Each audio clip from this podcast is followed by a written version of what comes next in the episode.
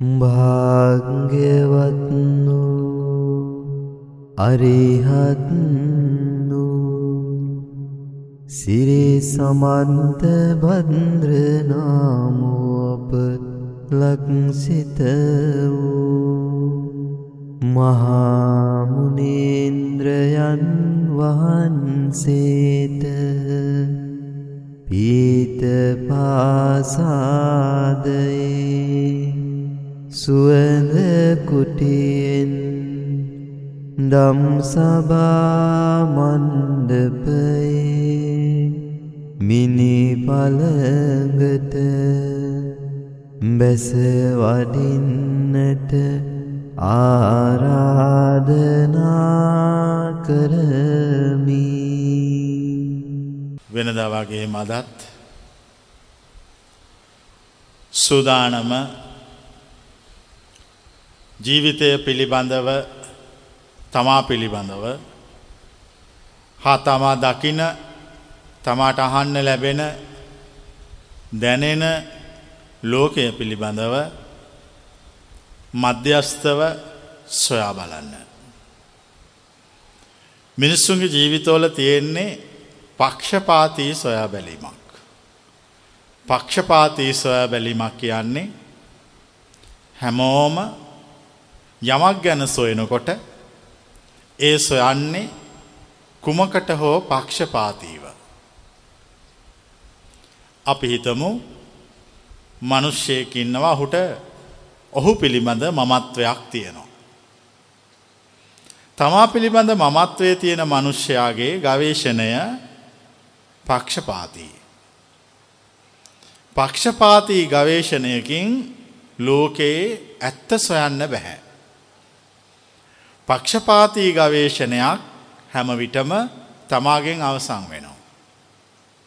ගවේශණය තමාගෙන් අවසං වුණාම තමාගෙන් අවසං වෙන ගවේශණය තුළ ගැලවීම නිදහස නිවීම ඒවා පවතින්නේ නැහැ. කෙනෙක් තමා පිළිබඳව සොයන්න ගියොත් යනවනං ඒ තමා පිළිබඳව සොයන්න යන කෙනා අපක්ෂපාති විය යුතුයි. අපක්ෂපාතී ගවේශණය මමත්වයෙන් තොරව සිදු කරන්නක්. දැන් කෙනෙක් යනවා සසර දුක නිවන්න. දැන් ඔහුගෙන් ඒ සසර දුක නිවන මාවතට ඇවිල්ලා ඒ මාවතේ ඔහු පටන් ගන්න තැනද අපි ඔහුගෙන් අහනවා ඔබ කුමක් කරනවද කියලා.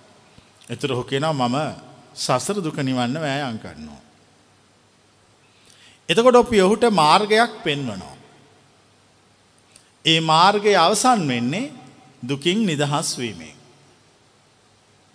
එතකොට ඔහු අපෙන් අහනවා දැන් මේ කියන එක කොලෝතින් මගේ දුක අවසං වේවිද කියලා. එතුර අපි ඔහුට කියනවා ඔවු කියලා. ඇත්තටම ඒ මාර්ගයේ වැඩුවහම කාගෙවත් දුක අවසං වෙන්නේ නැහැ. අවසං වෙන්නේ තමුන්. කොබලන එක පැහැදිලියයි. තමා අවසං වුණාම දුක අවසන්. ලෝකෙ නැහැ දුක අවසං කරන පාරක්. ලෝකෙ නැහැ සතුරට පත්වෙන පාරක්. ලෝකෙ තියෙන්නේ තමාගෙන් නිදහස් වෙන පාරක්. නමුත් ඔබලඟ මමත්වේ තියෙන නිසා ඔ බැහුවහම මගේ දුක නැතිවේද කියලා ඔහු කියනවා. මේක කල් ඉවර වුනාම දුක නැතුව ඉන්න පුළුවන්ද කෙලහුවොත් ඔවු කියනවා. ඒ වුණාට ඇත්තට මෙහෙම එකක් නැහැ. දැන් මනුෂ්‍යයකේ දුක අවසන් කරන ගවේශණය කරන්න පටන් ගන්නවා. ඒ දුක අවසන් කරන ගවේශණය මුලදී ඔහු පටන් ගන්නේ මමත්වයකුත් එක්ක. දැවිල්ලකුත් එක්ක. මම කියන අදහසකුත් එක්ක.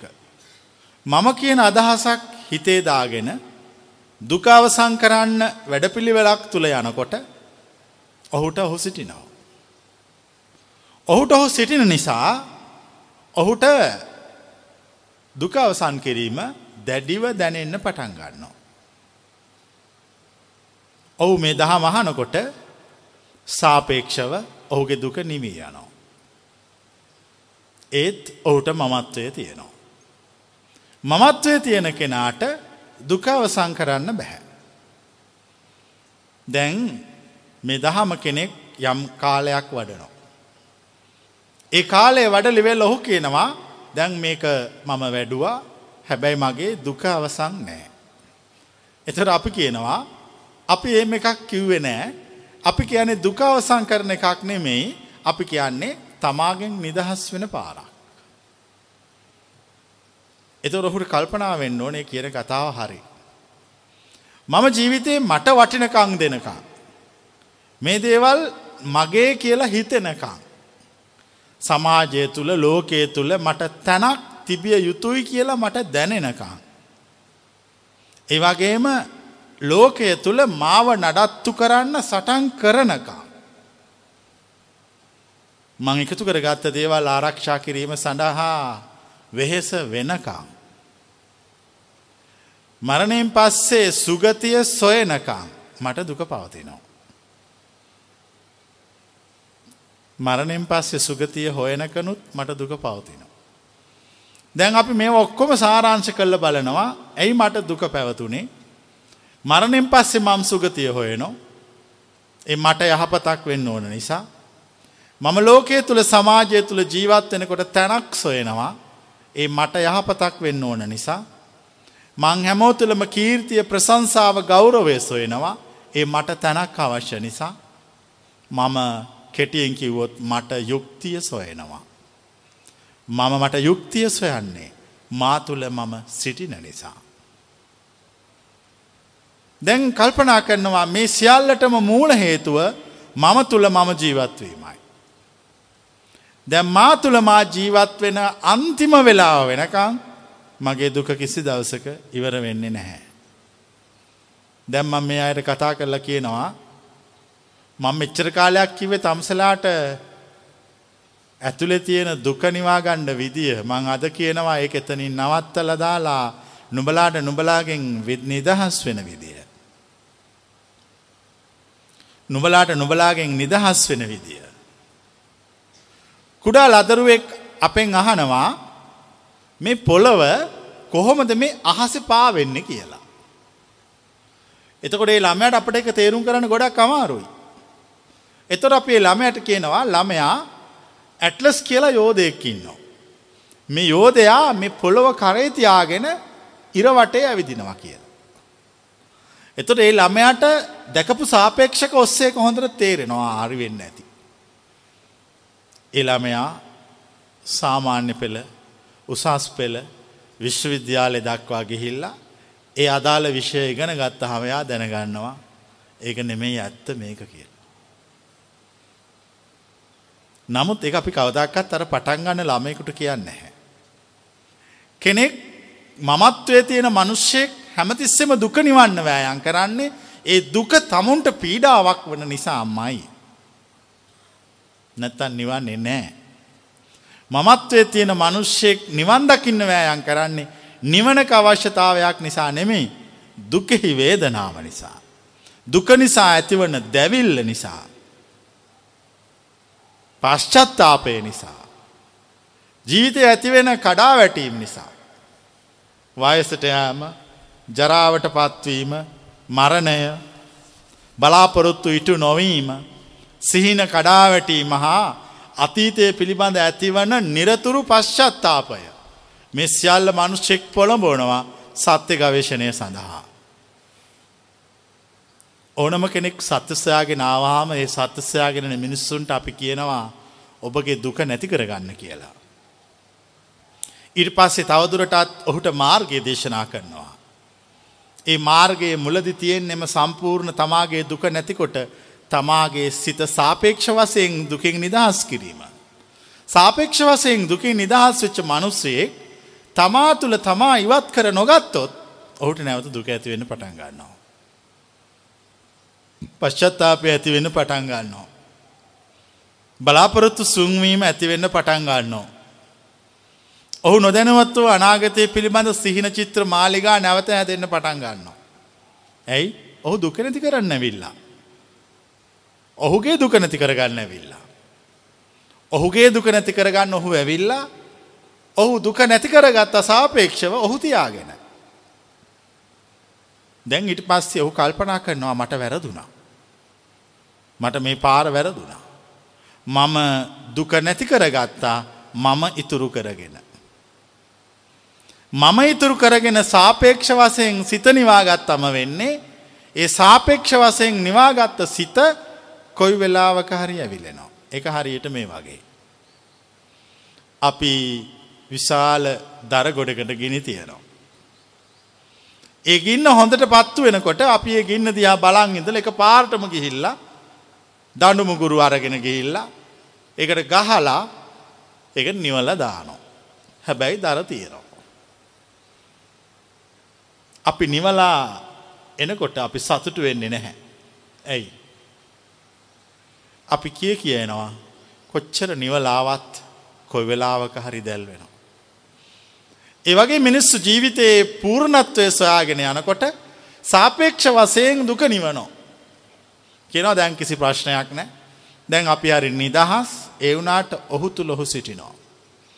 අර පිච්චන ගිනි ගොඩේ දර ඉතුරු වෙලා තියෙනවාගේ. අපි ගින්න නිව්වා හැබැයි ගින්න අවසං නෑ. කොබලන එක පැහැදිලි අය. ගින්න නිව්වා ගින්න අවසං නෑ දර තියෙනවා. මේ දර පැවුමකට අහුනොත් කොයියාම වෙලාවක හරි ගිනිගන්න පුළුවන්. දැවෙන්න පුළුවන්. නැවත සුපුරුදු පරිදිමර ගිනිජාලාව එතන නිර්මාණය වෙන අවස්ථාව තියෙනවා. එතකොට අපෙන් කෙනෙක් අහනවා දැන් අපි එතකොට තේරුමක් නැති වැඩක් නිකළේ. ඔබ ඇත්තටම තේරුමක් නැති වැඩක් කළා.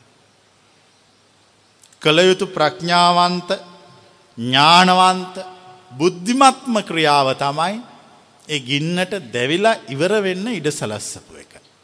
නමුත් අපි අතරමැග මැද ගින්න නිව්වා. මොකද අපි ආව ගින්න නිවන්නනේ. ගින්න පත්තු කර ගණ නෙමේ නයාවේ. ගින්න නිවන්නාවේ. ඉතාම ප්‍රඥාවන්ත ඒ මග අවසන් කරපු ගුරුවරයෙක් අපට හමු වුණා. අපි ඔහුට ඇවිල්ල කිව්වා අපි ආවේ ගින්න නිවා ගන්න. එතකොට ඔහු අපෙන් අහනවා පැට්‍රෝල් ගෙනාව නැද්ද. භූමිතෙල් තියෙනවාද. ගිනි පෙට්ටියක් එහෙම තියද. එතකට අපි පුදුම වෙලා හොදෙස බලාගෙන දලහනවා ඔබ මොනවද මගෙන් අහන්නේ.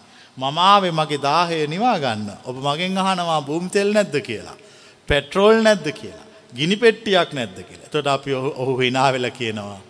අපි උගන්වන්නේ පැට්‍රෝල් දාලා භූමිතෙල් දාලා ගිනි පෙට්ටියකින් ගහලා පත්තු කල්ලා නිවන ක්‍රමයක් මිසක් මේ වෙනකොට පත්තු වෙන එක නිවන එක නෙවෙයි. මිනිස් වේවුනාට කැමති සාපේක්ෂ වසයෙන් තමාට තියෙන දැවිල්ලෙන් තාවකාලිකව නිදහස් වෙලා නැවත ජීවත් වෙනවා. නැවත ජීවත් වෙනවා. නැවත ජීවත් වෙනකොට ඔබගේ මමත්වය දුක අසහනය එක එක එක පාට හැදෙන්නේ සමහට අවුරුද්ධකට සාපේක්ෂක එකයි.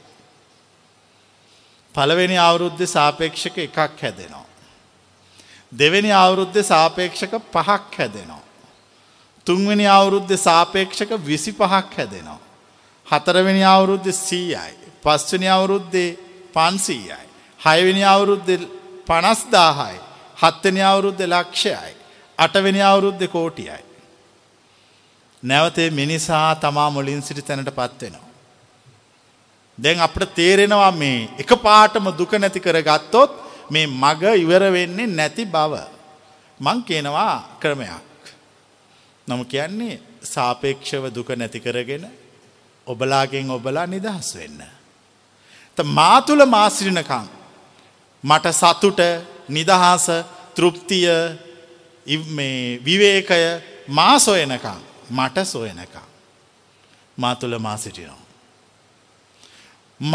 මට නිදහස් සොයනකම්ම මා තුළ මට නිදහසක් නෑ. මම විවේකය සොයනකම්ම මගේ ආත්මයට විවේකය ලැබෙන්නේ. මම නිවන සොයනකම්ම මට නිවන හම්බ වෙන්නේ නෑ. කෙනෙකුට අවශ්‍යනවා ජීවිතයේ ඇත්තම දේ සොයාගන්න. පරමාර්ථය සොයාගන්න. කෙටියෙන් කිව්වොත් විවේකය සොයාගන්න සදාකාලෙටම. එතකොට එහු යනවා ලෝකයේ සදාකාලටම විවේකයට පත්වෙච්ච කෙනෙක් සොයාගෙන. ඔහුගෙන්ට ගිහිල්ල කියනවා මට අවශ්‍යයි සදාකාලික සහනය. විවේකය. එතකොට ඔහු අහනවා ඔබට සදාකාලික විවේකය අවශ්‍යන ඔබ ලියන්න සතියක කාල සටහනේ ඔබ කරන වැඩ ටික. එතර ඔහු කල්පනා කවුනා මට අවශ්‍ය විවේකය. මං ගොඩාක් විවේක වෙන්න ඉඩ තියාගෙන වැඩ කීපයක් විතරක් ලියනවා. ලියල ඔහු ගුරුවරයට ගිහිල දීල කියනවා මේ මට විවේකයනය අවශ්‍ය මං විවේකය ගොඩත් තියාගත්තා වැඩ කීපයක් විතරක් මේක සටහන් කළා. එතොට ගුරුවර ඒ අරගෙන කියනවා. ඒ විවේකය අවශ්‍ය හැම තැනකටම ඇවිදලා වෙන වෙන වැඩදාගෙන එන්න.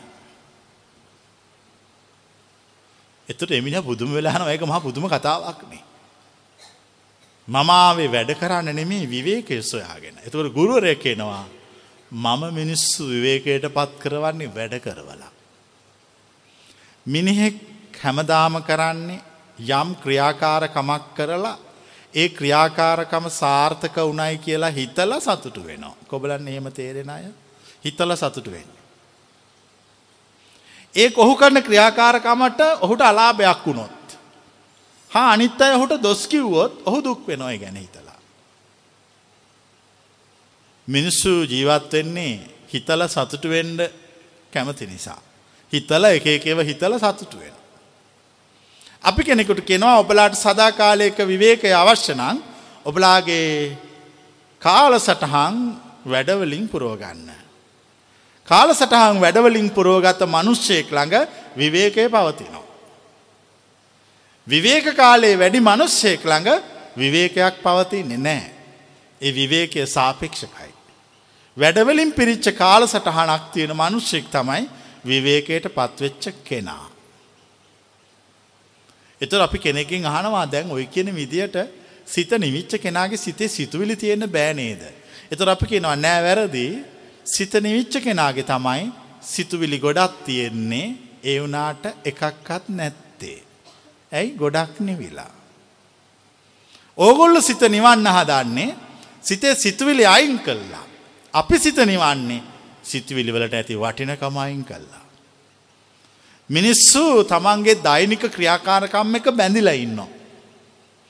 ඒ දෛනික ක්‍රියාකාරකම් එක මිනිස්සු බැඳිලා ඉන්න නිසා ඒ ක්‍රියාකාරකංවලට සාපේක්ෂව මිනිස්සුන චින්තනය පහළ වෙනවා. එතොර මම කල්පනා කරනවා මට දැ මේ සිතන එකෙන් චින්තනයෙන් නිදහස් වෙන්නවා. මම ලේසි ක්‍රමයක් කියනවා. සියලු ක්‍රියාකාරකම් කරන්න. එස්යා ක්‍රියාකාරකංකරහි නොබැඳී සිටින්න. නොබැඳී සිටිය. නොබැඳ ඉන්න කෙනාට දැවිල්ලක් නෑ. නොබැඳ ඉන්න කෙනාගේ ඇතුළ නිවිලා. ඇයි එක කරා ඉවරයි. මේක කලා ඉවරයි. මිනිස්සු කරන්න වැඩ කරගෙන යනකොට ඔහු වැඩ කරනවා කියලා හිතට දාගන්නවා. වැඩ කරනවා කියලා හිතර දාගෙන දෙවනුව විවේකයක් අවශ්‍යයි කියලා දාගන්නවා. තුන්වනුව තව වැඩක් අවශ්‍යයි කියලා ආයිදා ගන්නවා. මං එහෙම කරන්නේ. ඒ වෙලාවට කල්ල ඒ වෙලාවට ඉවර කරනවා. ඒ වෙලාවට කල්ලා ඒ වෙලාවට ඉවර කරනවා. ඒ වෙලාවට විතරයි. ඒ වෙලාවට විතරක් ක්‍රියාකාරකං කොන්නකොට වැඩ කරන්නකොට ඒක තුළ නිරත වෙලස් සිටිනකොට ඒ නිරත වෙලස් සිටින මනුෂ්‍යයාගේ සිතෙහි නරක ප්‍රතිඵල ජනිත වන්නේ නෑ ඕක සිත පිරිසිදු ඒ වෙලාවට ඉවරයි. ඒ මොහොතට ඉවරයි. ඕගොල්ලො කරන්නේ වැඩ කල්ල ඉවර වෙලා මම වැඩ කලා මට විවේකය අවශ්‍යයි මෙන්න වැඩේ ප්‍රතිඵල මෙන්න මෙච්චර ලාබයි මෙච්චර අලාබයි කියලා මෙව ගණන් හදනවා. ඒ ගණන් හැදවා මම කියන එතන සසරක් පවතිනවා. හැමතිස්සම ගවේශණය කරන්න ගියාම ගවේශණය කරන්න මිනිහ ළඟ මත්වය තිබුණොත් ඒ ගවේශණය අවසං වෙන්නේ නෑ. ගවේශණය කරන්න ගවේශණය අවසං කරන්න කැමති ප්‍රඥාවන්ත මනුෂ්‍යයා මේ කතාව තේරුම් ගන්නවා. ඔහු එතකොට ගවේශණය අවසං කරන්න යන්නේ නෑ. ඔහු ඔහු අවසං කරගන්නවා. එතර කෙනෙක් අපෙන් අහනවා දැන් ඔබ දේශනා කරනවා කෙනෙකුට මේක නවත්තන්න ඕන නම් ඒ නවත්තන්න ඕන ප්‍රඥාවන්ත මනුෂ්‍ය කළ යුතු ප්‍රඥාවන්තම දේ තමයි තමාට තමා නැති කර ගැනීම. තමාට තමා රිද්ධවා ගැනීම. ඔබට මිත්‍රයෝ දෙදෙනෙක් සිටිනෝ. එක මිත්‍රයෙක් ඔබේ කකුල තුවාල වුනාම ඔබට බෙහෙත් දාලා පිහදාලා කකුල තවලා සුවපත් කරනවා. අනික් මිත්‍රයා ඔබේ කකුල තුවාලුනාම එකට කතුරත් දාලා ඒ තුවාලෙ පාරවනවා. දැන් මම මේ මිත්‍රයෝ දෙන්න පෙන්න ලොබෙන් අහනවා. යමෙක් මා පසුපස පැමිණෙන්නේද. මා පසුපස පැමිණීමට කැමැති ඔබ ඇසුරු කරන්නේ කවර මිත්‍රයාද කිය. එතොර එහි ඔහු කියනවා ඔබ පසුපස පැමිණෙන නිසා මම තියාගන්නවා මයි කකුල තුවාලුනාම බෙහෙද්දාන මිත්‍රයා. මොකද ඔබ පසුපස යනයක ලේසි නෑ. හිටියගම මයි කකුල් තුවාලවේ කකුල් කැඩේවී. ඇදගෙන වැටේවී මොකද ඔබ වේගෙන් ගමන් කර නිසා. එතකොට මෙයා මල්ලං හිටියොත් මෙයා මා වැටෙන හැම වෙලාකෝ මාව සූපත් කරාවී. මට බෙහෙද්දාවී. එතකට මම ඔහුට කියනවා උඹ මං පසු පසෙන්න්න සුදුසු නෑ. උඹට මං පසු පසෙන්න්න පුළුවන් ඔබේ කකුල් තියෙනකා. මොකද ඔබේ කකුල්ලට බෙහෙද්දාන මිත්‍රෙක්න බොයා ගත්තේ එතකොට අහනවා ඔබ පසු පස පැමිණීමට හෙනම් මම කවුද තෝරා ගත මම කියනවා උඹේ තුවාලට කතුරෙන් අනින එක. උඹේ තුවාලෙ රිද්ධවන මිත්‍රයා උඹට බෙහෙත් නොදා තොට වෙච්ච වැඩේ හොඳම වැඩේ. ඕවම තමයි වෙන්න ඕන. තෝ දැම් මැටල තුවාලුන ආයි වැටියන් වංකකුල කැඩුනා තොගේ දකුණු කකුලත් කැඩියන්. කියලා කියන මිත්‍රය අතෝරගන්න කියනවා. එතකොට දැන් ඔහු මාපස්පස ගමන් කරනවා මම ඉතාම වේගයෙන් යනවා. ඔහු ඇදගෙන වැටෙනවා. ඔහු තුවාල වෙනවා. නැකටින් ආදනකොට මිත්‍රයාළඟට ඇවිල්ල කියනවා තෝ වැටිච්චක හොඳම වැඩේ. තොගේ කකුල කැඩිච්චකත් හොඳම වැඩේ. තොගෙන් ලේ අනෙකත් හොඳම වැඩේ මෙන්න මල්ලඟ තියෙනවා කතුර මං අනිනව තුවාලට කතුරෙන්. ඔහු දෙපසකින් පීඩාවට පත්වෙනවා. එකක් තමයි ඔහුට මාපසුපස යන්න අවශ්‍ය නිසා හු ගමන් කරන්න ගිහිල ඇදගෙන වැටෙනවා ඇදගෙන වැටිච්චකම ඔහුළඟ සිටින මිත්‍රයා ඔහුට පහර දෙනවා. දැන් මං අහන්නේ ඔහු මාපසුපස එනවද කියලා. ඇත්තටම ඔහු මාපසුපස ගමන් කොන්නවා. එතවට කෙනෙක් අයි මොකක්ද ඔබ පසුපස ඔහු වෙනවක් කියල ඔබ කියන්නේ මම කියනවා ඔහු පීඩාවට පත්වෙනකොට ඔහුගේ තැන නැති කර ගන්නකොට ඔහුට ඔහු රිද්ධව ගන්නකොට ඔහුගේ හිත හැදෙනවා. හිත හැදෙනවා. මිනිස්සු මේ හිත සසරට පුරුදු කොරවල තියෙන්නේ අර ළමයෙක්ගේ ඔළුව අතගානව වගේ. ආච්චිලා නෑදෑයෝ පොඩිළමේ කම්බුනාම ඒ ළමැක ඔල්ලු අතගානු. එළමගේ මූුණ ඉබිනෝ. ඒ ළමයා වඩා ගන්නවා. එක තම අපි සමාජ සම්මතයේ දැකලා තියෙන විදිය. අපට එක ඥාතියෙක් ඉන්නවා ඒ ඥාතිය කරන්නේ අපි හම්බ වනාම මෙම වඩාගෙනදල එක පාට මෙහෙම අත අරල දානවා දඩස් කාල බිමට වැටෙනවා. එතකට මම කියනවා අන්නයා සුදුසුයි මාපසුපස පැමිණෙන්න. මිනිස්සු කැමති නෑ කොයියාම වෙලාවකවත් තමුන් හදාගත්ත ප්‍රතිරූපය අභිමානය ගෞරවනීය බව හා තමාට සමාජයෙන් ලැබෙන ගෞරව හා ප්‍රසංසා නැති කරගන්න. මිස්ස ඒවම හොය යන. ඒව ගවේශණය කර කර යනෝ. ඒව ගවේශණය කර කර ගිහාම අන්තිමට වෙන ප්‍රශ්නය තමයි අපේ මරණ මොහොතද අපට මේ අතාරගන්න බැරුව අපි විශාල පැරදෙන සටන කර නායකත්වය දෙනවා. පැරදෙන සටනකට නායකත්වය දෙන. මං කැමති නැහැ පැරදෙන සරණකට නායකත්වය දෙන්න. මට අවශ්‍යයි නායකත්වය දෙන්න ජයග්‍රහණය කරන සටනකට. ජයග්‍රහණය කරන සටනකට නායකත්වය දෙන්න කලින් මට අවශ්‍යයි හොඳ පුහුණුවක්. ඒ පුහුණුව මං හැමදාම ගන්නවා. ඒ පුහුණුව සඳහා මට අවශ්‍යය මට උදව් කරන්න.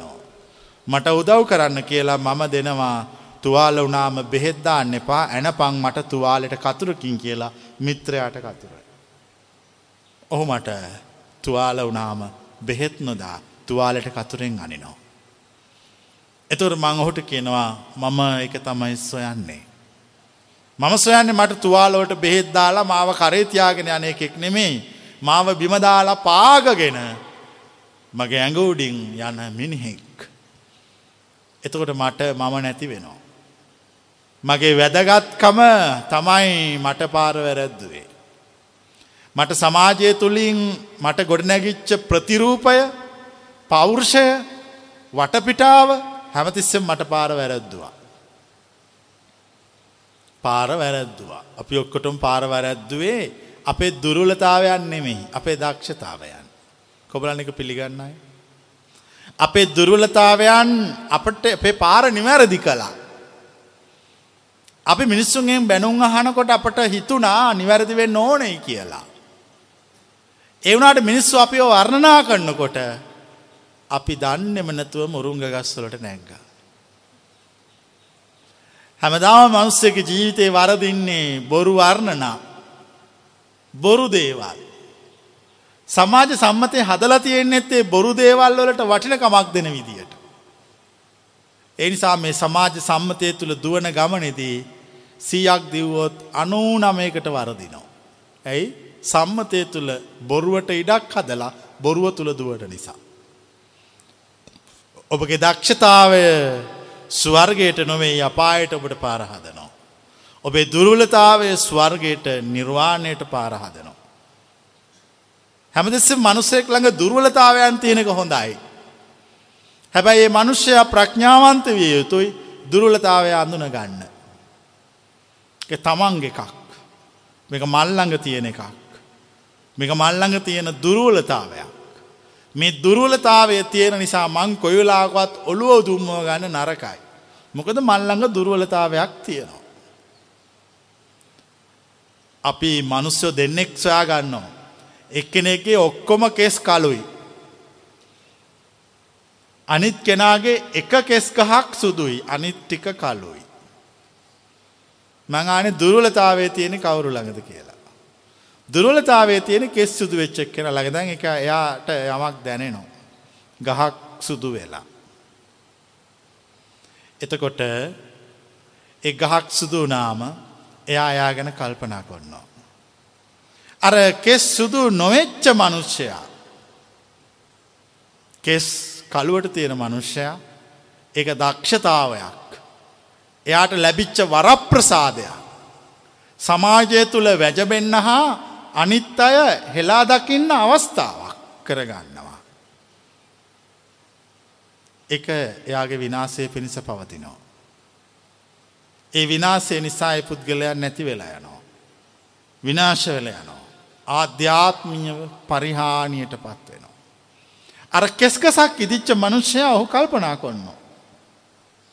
මගේ කෙස් එකක ඉදන්න පටන් අරගෙන. මගේ කාලෙ දැන් ඉවරයි. මන් දැන් ජීවිතය පිළිබඳ නවමානයක් සොයන්න ඕන. මෙතෙක් කල් ආපු ගමන මන් දැන් වෙනස් කර ගණ්ඩ ඕන.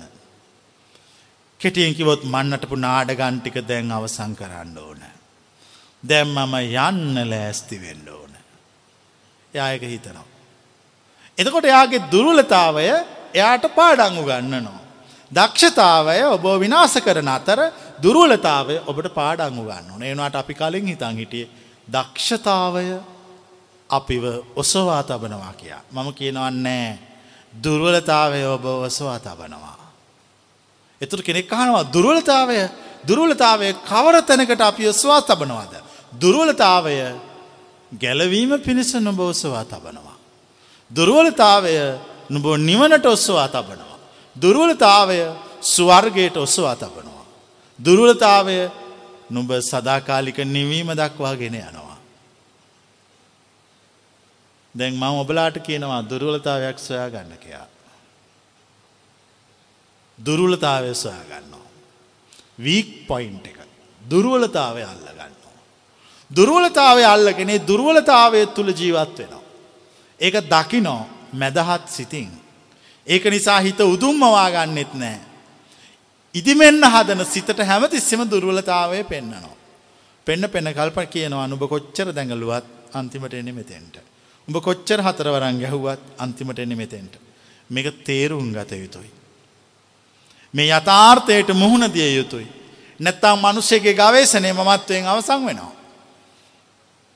අපි ගවේශණය අවසං කරන්න අපට අවශ්‍ය වනේ ඇත්තටම අපෙන් නිදහස්වීම. නමුත් ගවේශණය කරන්න කියලා දුක නැති කරගෙන අපි අපෙන් නිදහස් උන්නෑ දුකතියාගෙන මම ඉතුරු කරගෙන ගවේශණය නැමැත්තුවා. ඇයි ඒ ගවේශණය කරපු විදිය වැරදි. ගවේශණය කරපු විදිය වැරදි. කෙනෙක් මට ඇවිල්ල කියනවා ඔබ දෙසන මග නිවැරදිව ලියා ඇති පොතක් මට දෙන්න කියා. එතකොට මං ඔහුට පොතක් දෙනවා. ඒ පොතේ කිසිම අකුරක් නෑ. හැබැයි ඒ පොතේ කොල එක එක පාට. එක කොලයක් සුදු පාට අනිත් කොලය කහ පාට. ඊළඟ කොල්ලේ රතු පාට ඊළඟ කොල්ලේ තැඹිලි පාට. ඊළඟ කොල්ලය දම්පාට ඊළඟ කොලය නිල් පාට. එතකොට යාහනවා මේක මහ පුදුම පොතක්නේ. මේ කිසිම අකුරක් නෑ එක එක පාට පාට කොල තියෙනවා එතකොට මම කියනවා මං උගන්නන්නේ ඔන්න ඔය පොතේ. එතකොට මගින් ආනවා මොනවද ඔබ උගන්නන්නේ.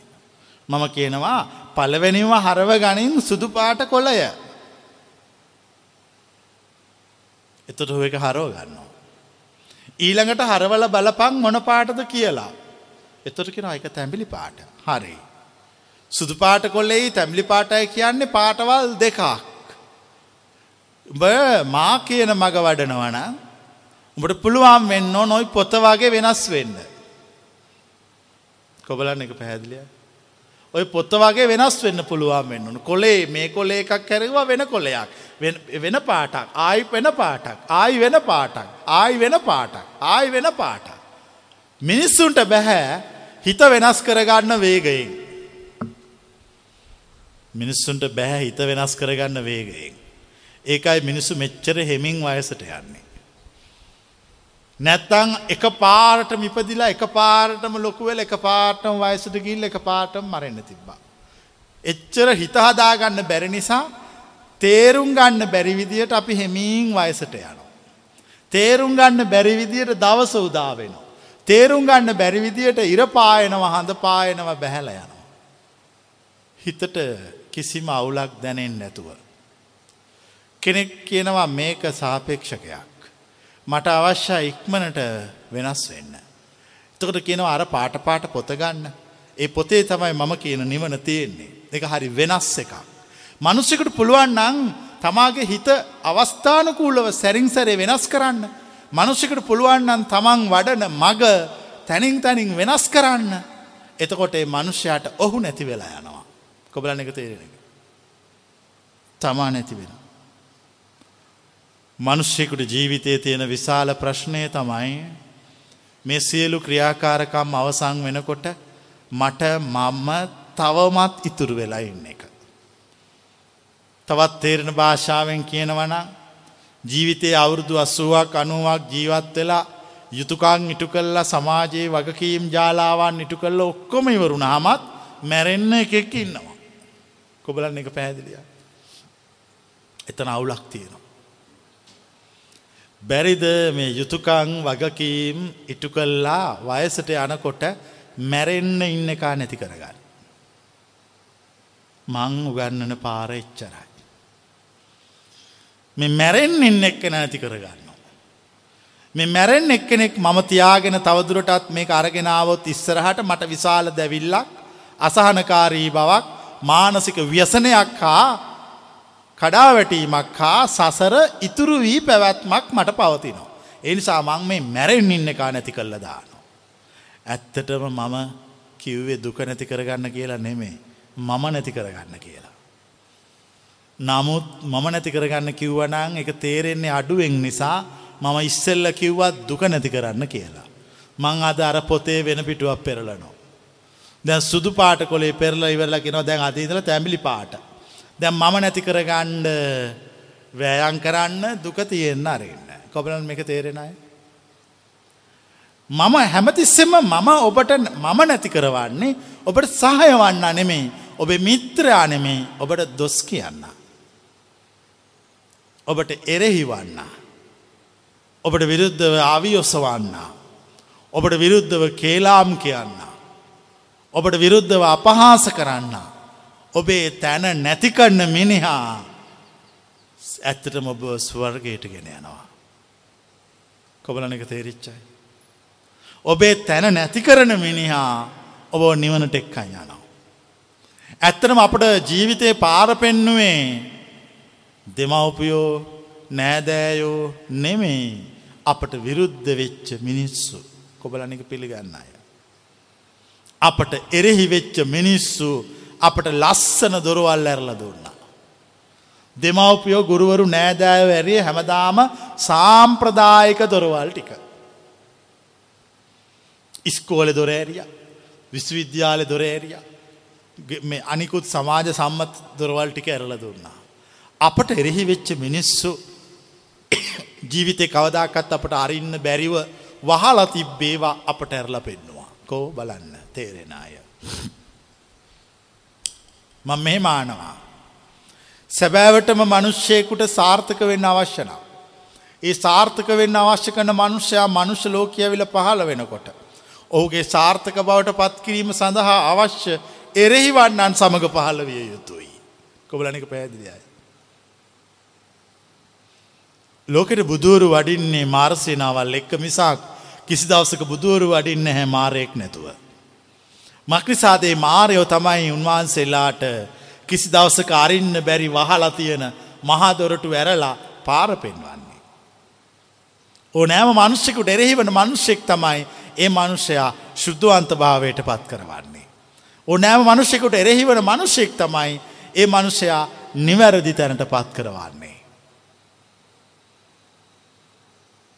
මන්දැන් ඔබෙන් ප්‍රශ්නයක් අහනවා. මේතාක් ජීවිතයේ රෙහිවෙච්ච මිනිස්සුන්ට ඔබ වෛර කලා. ඔබ නකුරු නපුරුකං කලා ඔබ ඕන් ප්‍රතික්ෂේප කලා. ඇයි ඒ සමාජ සම්මතය නිසා. කොබලන එක පැහැදිලි අය. සමාජ සම්මතයනි සමංගම් ප්‍රතික්ෂේප කලා. ඒ වනාට ඇත්තටම උන්මට පාර කියල දුන්නා.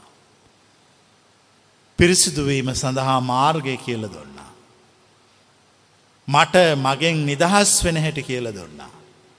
කවුරරි බයිනකොට මට රිදෙන්නේ බනින එකේ ප්‍රශ්නයක් නිසාවත් ඇහෙන එකේ ප්‍රශ්නයක් නිසාවත් නෙමේ මම තුළ මම ඉන්න නිසා. දැම් මම කල්පනා කරන්න නයා බනිනවා මට ඇහෙනවා. මේ දෙක විතරක් තියනං මෙතන ඒ දෙක විතරත් තියෙන කිසි ප්‍රශ්නයක් නෑ. එයා බනිනවා මට ඇහෙනවා. එයා බැනලා මට ඇහුනහම මම තුළ වටිනකමක් තියෙන නිසා ඊට සාපේක්ෂව මම උත්තර දෙනවා. ප්‍රතිචාර දක්වනවා. එතකොට මම ප්‍රතිචාර දක්වන ප්‍රමාණය තමයි මම තුළ මම සිටින ප්‍රමාණය. කොබලන්න පැහැදිලියයි. මම තුළ මම සිටින ප්‍රමාණය. මගෙන් මම ඉවත් වනොත් ප්‍රතිචාර දක්වන්න කෙනෙක් නෑ. බනින් එකා අහන්නෙක් සිටිනවා. මාතුළ වටිනකමක් තියෙනකම්ම මේ සසරපුරාවට ගෙනෑපු දැවිල්ල අසහනකාරී බව මාතුළ පවතිනවා. මට ලෝකෙට උත්තර දෙන්න හිතෙනවා. මට උත්තර දෙන්න හිතෙන්නේ මම තුළ මං වැඩ කොන්න නිසා. එතකට මං කල්පනා කරනවා මට මේ උත්තර දෙන එක දැන් අවත්තන්න අවශ්‍යයි. මට අවශ්‍ය කිසිම කෙනෙකුට පිළිතුරු නොද නිහඬ වෙන්න. මට දැන් අවශ්‍යයි මුනිවරයෙක්වීමේ මාර්ගය මුනිවරයෙක් උත්තර දෙන්නේ නෑ නිහඬ වෙනවා. ඇයි ඔහුට උත්තර දෙන්න කෙනෙක් නෑ. ඔහුට උත්තර දෙන්න ප්‍රශ්නයක් නෑ. ඔහුට උත්තර දෙන්න අභියෝගයක් නෑ. ඇත්තටම ඔහුට උත්තර දෙන්න ප්‍රශ්නයක් නෑ. ඔහුට උත්තර දෙන්න අවශ්‍යතාවයක් නෑ. නිහඬ වෙලා සිටිනවා. දැන් අපි දුක නැති කරන්න ගියා අපි කිව්වා දුක නැති කරන එක අතෑරල දාණ්ඩ නවත්තල දාණ්ඩ අද ඉඳලා මාතුළ මා වැඩ කරන විදිය දිහා බලාගෙන ඉන්ඩ ඉඳලා ලෝකය තුළ මා ඇසිරෙන විට ඇවිදින විට කණබොන විට හා සමාජ සම්බන්ධතා පවත්වන විට ඒ ඇතිවෙන ප්‍රතිචාරවලදී මම හැසිරෙන විදිය. ඒ විදිය තුළ කොච්චර දුරට මම රැකගන්න මම වෑයන් කරනවාද. මට වටිනකමක් දෙනවාද. මාගේ සතුරන් ප්‍රතික්ෂේප කරනවාද. මට සලකන පක්ෂග්‍රාහී වන මිත්‍රයන් ලංකරගන්න බලනවාද. මෙස්සිියල්ල දෙයා නිදහස්සේ බලන් එන්න. නිදහස්සේ බලන් ඉඳලා ඔබේ ප්‍රශ්නපත්තරයට ඔබම උත්තර ලියලා ඔබම හරි වැරදි බලලා ලකුණු මට කියන්න. මොකද කරන්න ඕන. ඔබේ ප්‍රශ්නපත්තරයට ඔබම උත්තර ලියලා ඔබම ලකුණු දීලා මට ලකුණු කියන්න. සාමාන්‍යයෙන් මිනිහෙක් තමාගේ ප්‍රශ්නපත්තරයට උත්තර දෙන්න ගියාම හැමතිස්ස මේ මිනිහා බලන්නේ මොකක් කරගන්නද. වැඩිම ලකුණු ගන්න. එතකොට මම විභාග ශාලාවේ ශාලාධිපති මං ප්‍රශ්න පත්තර ටික අරගෙනෙනවා අරගෙන ඇවිල ඔක්කොටම දීලා කියනවා මෙන්න ඔයාගේ ප්‍රශ්න පත්තරේ ඔයා මුත්තර ලියන්න. මටෝකායි බලන්න බෑ. උඹ ලියපු කුණු හබ්බ. උඹම බලහන්. උඹට ඕන ලකුණක් උඹම දී ගනින්. මට මේක රිපෝට් එකට ප්‍රගතිවාර්තාවට දාන්න ඕන නිසා විතරක් ලකුණු කියලා පලයක්. නියමිස්කෝලයක්. හරිම කම්මැලි ගුරුවරයෙක් නෑ ඔහු ශ්‍රේෂ්ඨ ගුරුවරයෙක්. ඔහු අධ්‍යාපනයෙන් එහාට උගන්නන ඔහු ධ්‍යාපනය උගන්නනවා. එතකොට ඒකේ ප්‍රශ්පත්තර දීලා උත්තර ලිව්වා එක මෝඩෙක් කල්පනා කරනවා මං මේ සැරි පන්ති පලවැනිිය වෙන්න ඕන මං ගොඩාක් ලකුණු ගන්න ඕන ඒ වනාට ඇත්තටම මම ගොනෙක් තමයි. ඒ වනාට මං වැඩියෙන් ලකුණු දාගෙන ගිහිල්ලා ගුරුවරයට පෙන්න්න ඕන. දැන්ඒ මෝඩයා ලකුණු අනූ අයි අනූ පහයි සීයයි කියලා දාලා සීයෙන් සීයයි කියල දාලා ගුරුවරයට ගිහින් දෙනවා. ඔව ඒ කොලෙත් තියාගන්නවා. අනික් කට්ටිකවත් එකනෙ කල්පනා කරනවා අනේ මං වුව කරන්න යන්න ඕන නෑ. ඇත්තටම මගේ හැකියාවට මම ලකුණු දෙන්න ඕන බලන්නකොට බිඳුවයි. ඔහු ගුරුවරයට ගිහින් දෙන්න හම ගුරුවර ඔර වලහනව යකෝ ලකුණු කීයද සර් බින්දුවයි. බින්දුවයි. අනිත් ළමයි ඔක්කොම බනිනෝ. මූට බින්දුවයි. අර සීය ගත්ත කෙන කෙන මට සීයයි. ප්‍රගතිවාර්තා බෙදන දවසේ අර මහා ගුරුවරය එනෝ. ඇල්ල කියනවා සීයෙන් සීය ගත්තෙක් කෙනා තමයි පන්තිය අන්තිමයා. ලකුණු බින්දුව ගත්තෙක් කෙනා තමයි අද පලවැනිය. කොබලානේ තීරණයට කැමති අය. අර බින්දුව ගත් එක්ක නත් එක්ක ගුරුවරයා විදුහල්පති හම්බෙන්න යන්නේ නෑ ස්වර්ගයට යනවා. සීයෙන් සිය ගත් එක්කෙනට කියනවා පුතා උඹ ඊළඟ පන්තියට පලයන් කියලා. කොබලට මේ කතාව තේරෙනයි. බින්දුව ගත් එක්කෙනත් එක්ක ගැලවීමට පත්වෙනවා ලකුණු ගොඩා ගත් එක්කෙන ඊළඟ පන්තියට යවනවා. උන්ද ඊළඟ පන්තියට යනවා. ඊළඟ අවුරුද්ධ ඊළඟ පන්තියට යනවා. ඊළඟ අවුරුද්ධ ඊළඟ පන්තියට යනවා. කෝමාරි විශ්වවිද්‍යාලෙත් යනවා. හොරකං වංචාව දූසනය කපටිකං තියෙන ඔක්කෝම දාජරාවල් කරනවා. කල්ල හම්බ කරනවා ගෙවල් හදනවා. තියෙන නරකම වැඩ කරනවා. කල්ල වයසට යනවා. වයසට ගිහිල මැරිලා අපාගත වෙනවා. එකම පන්ති හිටි ළමයි දෙන්නෙක් එක්කෙනෙක් උඩ එක්කෙනෙක් යට. නමුත් අපි හාං කවසියක්කත් හිතුවේ නැති අය ගුරුවරය සමඟ ගියා.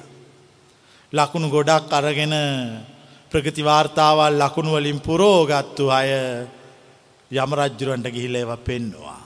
මෙන්න ගත්තුවා. එනිසා මං ඇමතිස්සම කියන්නේ කොවෙලාකවත් තමුන්ට තමුන් ලකුණු දෙන්න යන්න එපා. ලකුණු කපා ගන්න. ලකුණු කපාගෙන බැනුම් අහන්න. මතක තියාගන්න. ලකුණු කපාගත්තම කොහොමත් බැනුම් අහන්න වෙනවා. කොබලන එක දන්නයි.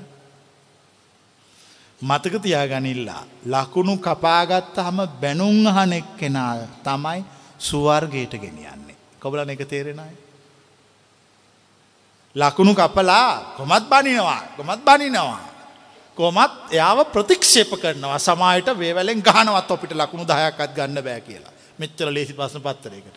එවනාට යාට පස්ස කියනවා තම්සෙ තමයි සුදුස්සා. අධ්‍යාපනයේදී මිනිස්සුන්ට ගෞරව කරන විදිහ හා ධ්‍යාපනයේදී මිනිස්සුන්ට ගෞරව කරන විදිය හාත් පසිම්ම වෙනස්. හාත් පසිම්ම වෙනස්. ඒ හාත් පසිම්ම වෙනස් විදි අපි තේරුම් ගන්න ඕන. අපි තේරුම් අරගෙන සිටින්න ඕන. ඒ තේරුම් ගන්න බැරිනං අපට කවදක්කත්ව අධ්‍යාපනය කරන්න බෑ. ඔය ධ්‍යාපනය කරන්න ගිහිල් අපි ඒක අධ්‍යාපනය කොන්න කොබලන්න තේරිච්චයි. අපි ධ්‍යාපනය කරන්න ගිහිල් අපි අධ්‍යාපනය කරනවා. ධ්‍යාපනය කරන්න ගිල්ල අධ්‍යාපනය කළොත් අපට ගැලවීම ආම්බෙන නැහැ නැවත ඇලීමකට අපි පත්වෙනවා. අපට නිදහස හම්බ වෙන නැහැ අපි සසරට එකතු වෙනවා. අපි අපිව නැති කරගන්නේ නැහැ අපි අපිෝ තියාගෙන ජීවත් වෙනවා. අපි අපිෝ තියාගෙන ජීවත් වනාම අපේ ජීවිතය මහා අවුලකට පත්වෙනවා නිදහසකට පත් නොවී. මම ඔබට කියන්නේ නිදහසට පත්වීමේ මාර්ගයයි. නිදහසට පත්වීමේ මාර්ගය හාත් පසිම් ප්‍රතිවිරුද්ධයි. හාත් පසිම් අනිත් පැත්තට වැඩ කරන්නේ. ඒ මාර්ගයේ තේරුම් ගන්න ගොඩාක් ප්‍රඥාව තියෙන කෙනෙක් වෙන්න ඕන. එක හරියට මේ වගේ. මිනිෙක් වැරත් දක්කන්නෝ. ඒ මිනිට මරණීය දණ්ඩනය නියම කොන්නෝ.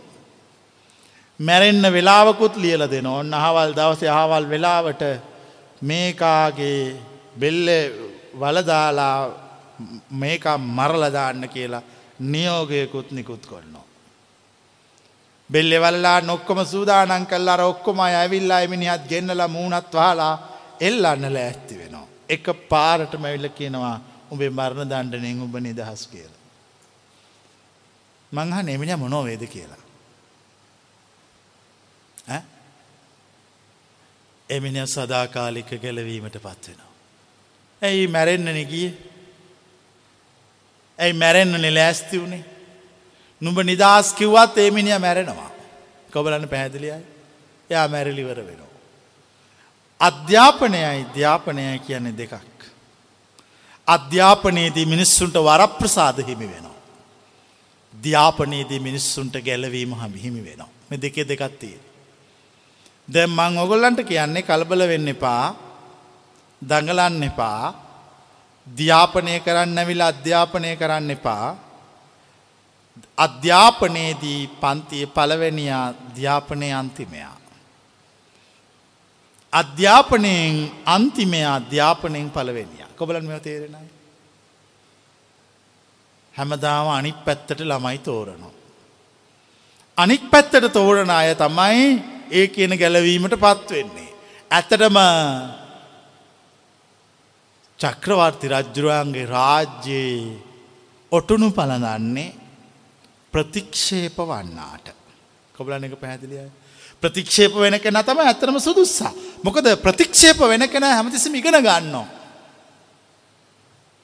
ප්‍රතික්ෂේප වෙන කෙන හැමතිසිම ඉගෙන ගන්න ඇයි ප්‍රතික්ෂේප වුණා.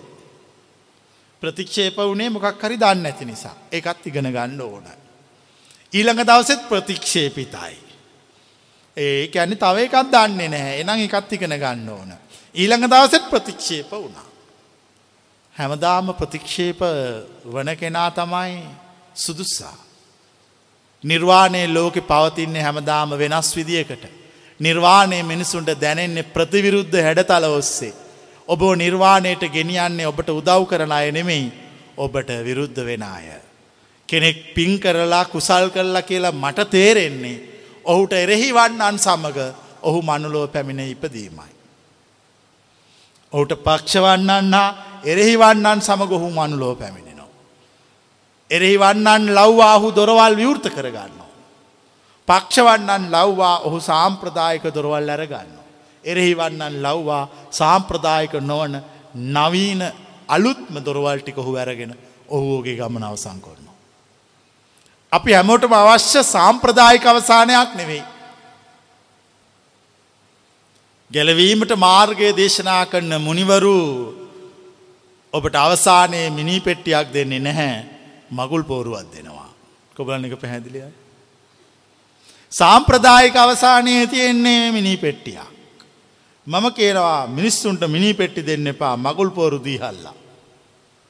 ඒ මගුල් පෝරුව තුළ ඉන්න අවශ්‍ය කරන ශක්තිය දීපල්ලා. ඒ මගුල් පෝරුව තුළ හිටගෙනින් අවශ්‍ය කන ජවය දීපල්ලා. ඊට අවශ්‍ය කන තාරුණ්‍ය දීපල්ලා. මරණය දෙන්න ඇතුව මිනිස්සුන්ට. කෝමත් උන්ට මරණය අයිති. කෝමත් උන් යන්නේ මරණය සොයාගෙන. මරණය සොයාගෙනන මිනිස්සු මරණයෙන් අයින් කල්ලා මගුලට එක්කඥානෝ. එක තමයි මම දෙසන පාර. ඒක මහා අමුතු පාරක්. හැබැයි ප්‍රශ්නයක් තියෙනවා. මරණයට යන මිනිස්සුන්ට මගුලට කතා කලාම මිනිස්සුන්ට ඔළුව අවුල් වෙනවා.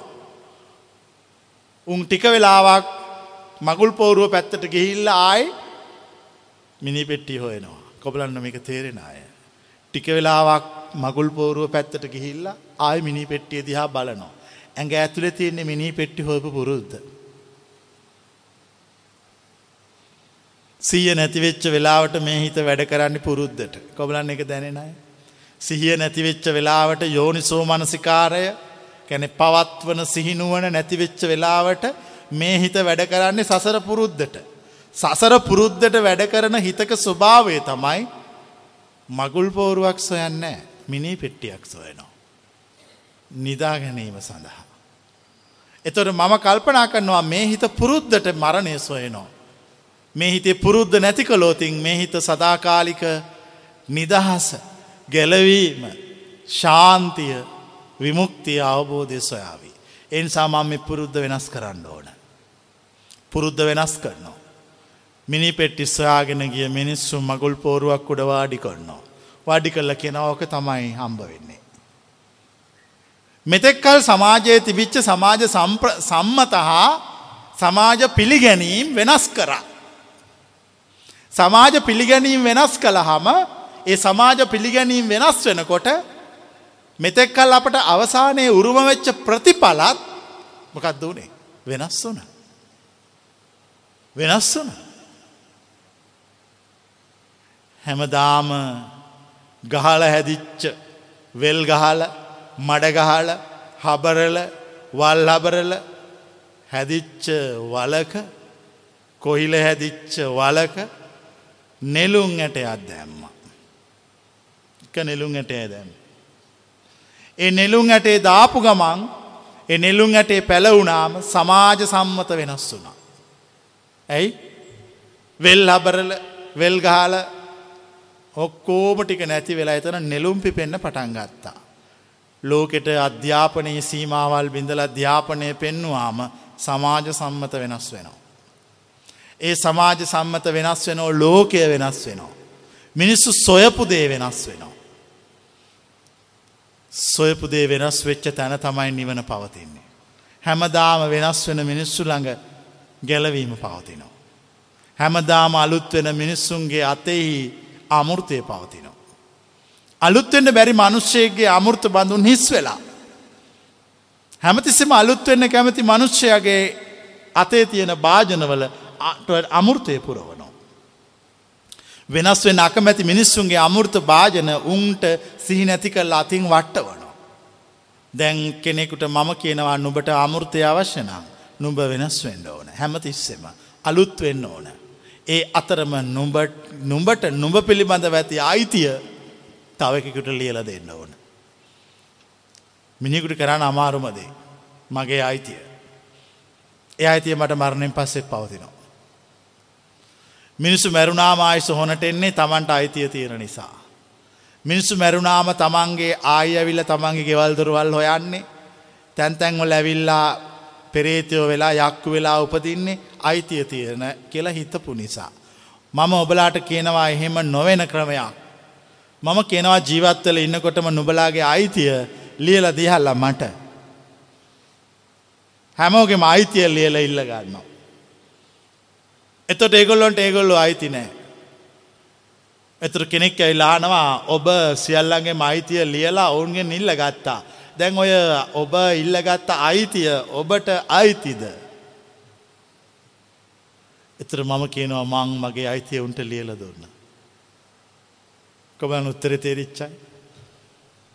මං එගොලන්ගේ අයිති ඉල්ලගන්නකොටම මගේ අයිති එගොලන්න ලියල දුන්න දැන් කාටවත් කවරුවත් අයිතිනෑ. යම් තැනක් මේ විශ්වයේ පවතිනවද කාටවත් කවුරුවත් අයිති නැති මා කියනව එය තමයි අපි හොයපු තැන. යම් තැනක් පවතිනවාද මේ විශ්වයේ පුද්ගල සංඥාවක් නැති ඒ තමයි මං හොයපු තැන. යම් තැනක් පවතිනවාද මේ විශ්වයේ පදාර්ථයෙහි සංඥා නැති ඒ තමයි මං හොයපු තැන.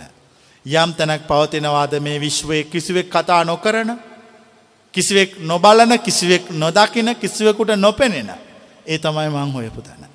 යම් තැනක් පවතිනවාද මේ විශ්වයෙහි සියල්ල පවතින සියල්ල විද්‍යමාන වන ඒ තමයි මං හොයපු තැන. එතෙන්ට ගිහිල්ල ඉවර වෙනවා. එතනද අපි කිසිවෙක් එකනෙක අඳුනන්නේ නෑ හැබැ අපි සියල්ලෝ මෙතන පවතිනවා. එතන සිටිනවා. කොබල එක තේරිච්චාය. අපි කිසිවෙක් අඳුනන්නේ නෑ හැබැයි අපි එතන සිටිනවා. ඒ තමයි මං හොයපු තැන. දැන් කෙනෙක් අහනවා ඔය කියන තැනනම් හරිම සුන්දරයි. ඔය කියන තැනට පත් උනොත් කවුරු හරි එයාගේ දුක අවසන්. ඕකට පත්වෙන කෙටිවිදියක් කියන්න. එතකොට කියනවා උඹගේ අයිතිය අකුරු කීපයකින් මට ලියල දීපා. එතකොට තෙන්ට පත්වෙනවා. මිනිස්සු කැමති නෑ තමන්ගේ අයිතිය ලියල දෙන්න. මිනිස්සු කැමති හැමදාම ඒ දේවල් තියාගෙන මරණෙන් පස්සේ ජීවත් වෙන්න. මට අවශ්‍යයි මිනිස්සු මරණෙන් පස්සේ අජරාමර කරවන්න. නිවීමට සදාකාලික සැනසිල්ලට මිනිස්සුට මාර්ගය කියන්න. සදාකාලික සැනසිල්ලට මිනිස්සුට මාර්ගය කියන්න අවශ්‍ය නිසා. මම සදාකාලිකව ගැලවීමේ මාර්ගයාන මිනිසුන්ගේ ඔළුවලට ගෙනල්ලා බෙහෙත්තෙල් දාන්නේ නෑ භූමිතෙල් දානවා. කොබලන්න තේරිච්චාය. මං කාගවත් ඔළුවල බෙහෙත්තෙල් ගාල අතගාන්න ම භූමිතෙල් වක් කරලා ගිනි කුරක් ගහල ඔළුව ගෙන තියෙනවා. එතකොට ඔහු ඔලුව ගෙන තිබ්බහම කොහොමත් දැඟිවරයි. තමාගේ අයිතිය තමා සතු වෙනකම්ම තමාට සතුට වෙන්න කාරණා ස්වබාදහම විසින් ලක්ෂයක් මවල දෙනවා. ඒ සතුට වෙන්න මවල දෙන හැම කාරණයක් මේ වෙලාවට සාපේක්ෂකයි.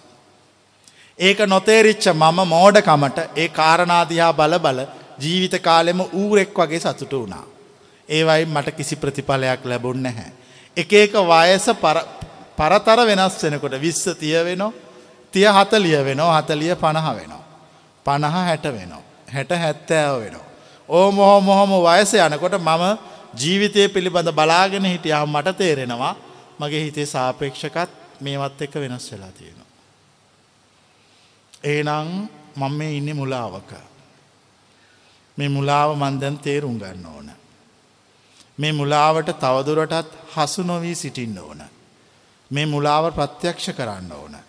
මේ මුලාවෙන් ඇත්තටම ගැලවෙන විදිය මං හොයා ගන්න ඕන. ඒ හොයාගෙන මං එතෙන්ට අකමැත්තෙන් වුනත් යන්න ඕන. හැබැයි කැමැත්තෙන් මේවා අකමැත්තෙන් මේවා යන්න තියෙනෙ කටුක පාරක.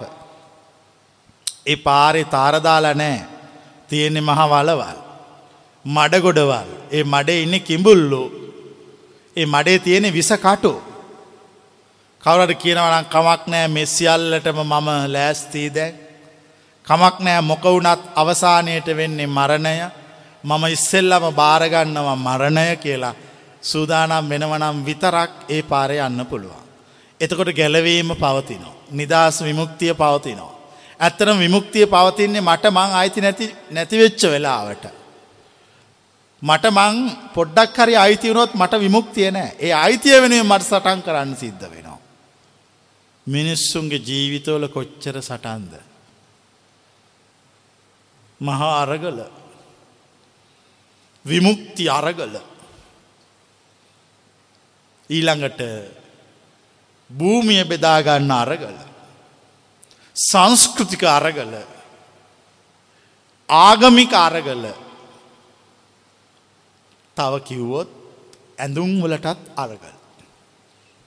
අන්තිමට ගිහිල කියලා ඇඳුම් බෙදාගන්නක් ගහගන්න. මෙ සියල්ලම අරගල ගැටුම්වලට මූල හේතුව මට මන් තවමත් අයිතිය දීලා තියෙනවා. එතකොට මට ලොක්කු මගේ ජීවිත හරි අමාරුයි. ඇත්තටම ඔබ හුඟාක් වයසට ගිහාම ඔබේ හැරමිටිය උදුරගන්න මිනිහා ඔබට ජීවය ලබා දෙන්න අය.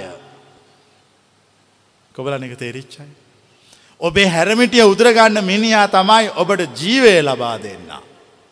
ඔහු ඔබව ඔහු ඔබට උගන්වනවා හැරමිටියක් නැතුව කෙලින් ඉන්න විදිය.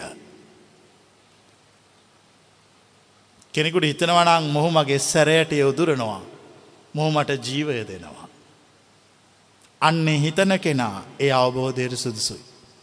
ඒ ගැලවීමට සුදුසුයි. ඒ ධ්‍යාපනයට ප්‍රත්‍යක්ෂ කිරීමට සුදුසුයි. ඔගොල්ලන්න තියෙන ප්‍රශ්නය ඔගොල්ලන් හිත සාම්ප්‍රදායකයි සංස්කෘතිකයි. සංස්කෘතික සාම්ප්‍රදායක හිතා දැන් මේ වචන ඇහුව හම ධ්‍යාපන මාර්ගයට පත්වෙනවා. විවේක කාලයේදී නැවතම ගදවෙන්. නැවත අධ්‍යාපනය ලබන්නේ යනවා. එච්චරයි වෙනස. විවේකයේ දුන්නම අධ්‍යාපනය කරන්න යනෝ විවේකය ඉවර කලාම ආයි ධ්‍යාපනයට පත්වෙනවා. ඒ අධ්‍යාපනය ලබල ඒ දත්ත සාපේක්ෂ කරගෙන ජීවත්වීමේ ක්‍රමයක් තමයි මිනිසු පුරුදු වෙලා ඉන්නේ. මිනිස්සු හැමතිස්සෙම සිහිය අඩුවෙච්ච ගමන් අර පුරුදු ක්‍රමයකට බහිනවා. ඉරසේ පුරුදු ක්‍රමය යනවා කකුල පැටලෙලා වැටනකම්ම යනවා. පුරුදු ක්‍රමය තුළ සතුට තියෙනවා නිදහස තියෙනවා ප්‍රීතිය තියෙනවා සාපේක්ෂක තුළ. ඒ සාපේක්ෂක වෙනස් වෙනකොට සතුට නැති වෙනවා නිදහස නැති වෙන එපා වෙනවා. එතොට පුරුදු ක්‍රමේ තුළ සතුට තියෙනවා එපාවීම තියෙනවා. කොබලන්න පැදිලියයි. මම මේ දෙකම තේරුම් ගත්තා. මෙ තේරුම් අරගෙන සතුටෙන් අයින් වුණා එපාවීමෙනුත් අයින් වුණා. ඒ දෙකෙන් මයින් වෙන්ඩ මම ලේසිම විදිිය හොයා ගත්තා මගෙන් අයින් වුණා. මගෙන් අයින් වුණා මම නිදහස් මට නිදහස ඉන්න පුළුවන්. හිනාවෙන්නත් පුළුවන්. ඒ හිනාව මට අයිති නෑ එක ස්වබාදහමට අයිති. මට වැඩ කරන්න පුළුවන් ඒවා මට අයිති නෑ. ඒවා මේ ස්වබාදහමට අයිති. හැබැයි ඕගොල්ලො කරන්නේවා ඔගොල්ලන්ට අයිති. මම කරන්නේවා මට අයිති නෑ. ඒ දෙකෙන් වඩාත් හොඳ මම කියන කතාව. ඒකට එන්න අමාරු නෑ. ඒ විමුක්ති මාර්ගය කෙනෙක් වඩනකොට අවස්ථානුකූලව පරිච්චේද මාරු වෙන්න ඕන මතක තියාගන්න විමුක්තිය පිළිබඳ සටහන් ලියල තියෙන පුස්කොල පොතේ කොල එක එක පාටයි. ඒ එක පාට කොළ ප්‍රත්‍යක්ෂ කරන මනුෂ්‍ය අධ්‍යාපනය ප්‍රත්‍යක්ෂ කල්ලා සදාකාලික නිදහසට පත්වෙනවා. ඒ සදාකාලික නිදහතට පත්වෙන මාර්ගය මාත් තුළ පවතිනවා. මාත් තුළ පවතිනවා. ඒක මට මෝඩකම නිසා තේරෙන්නේ නෑ ලෞකිකත්වය නිසා තේරෙන්නේ නෑ මේ භෞතික දේවල් වලට ඇති ආශාව නිසා මට ඒක තේරෙන්නේ නෑ. කෙනෙකුට මේ භෞතික දේවල් අහිමි වුණොත් නැති වුණොත් ඒක හුට වෙන්න ලොකූ භාග්‍යයක්. එතකොට හුට අරක යම් තරමකට තේරෙන්න පටන් ගන්නවා.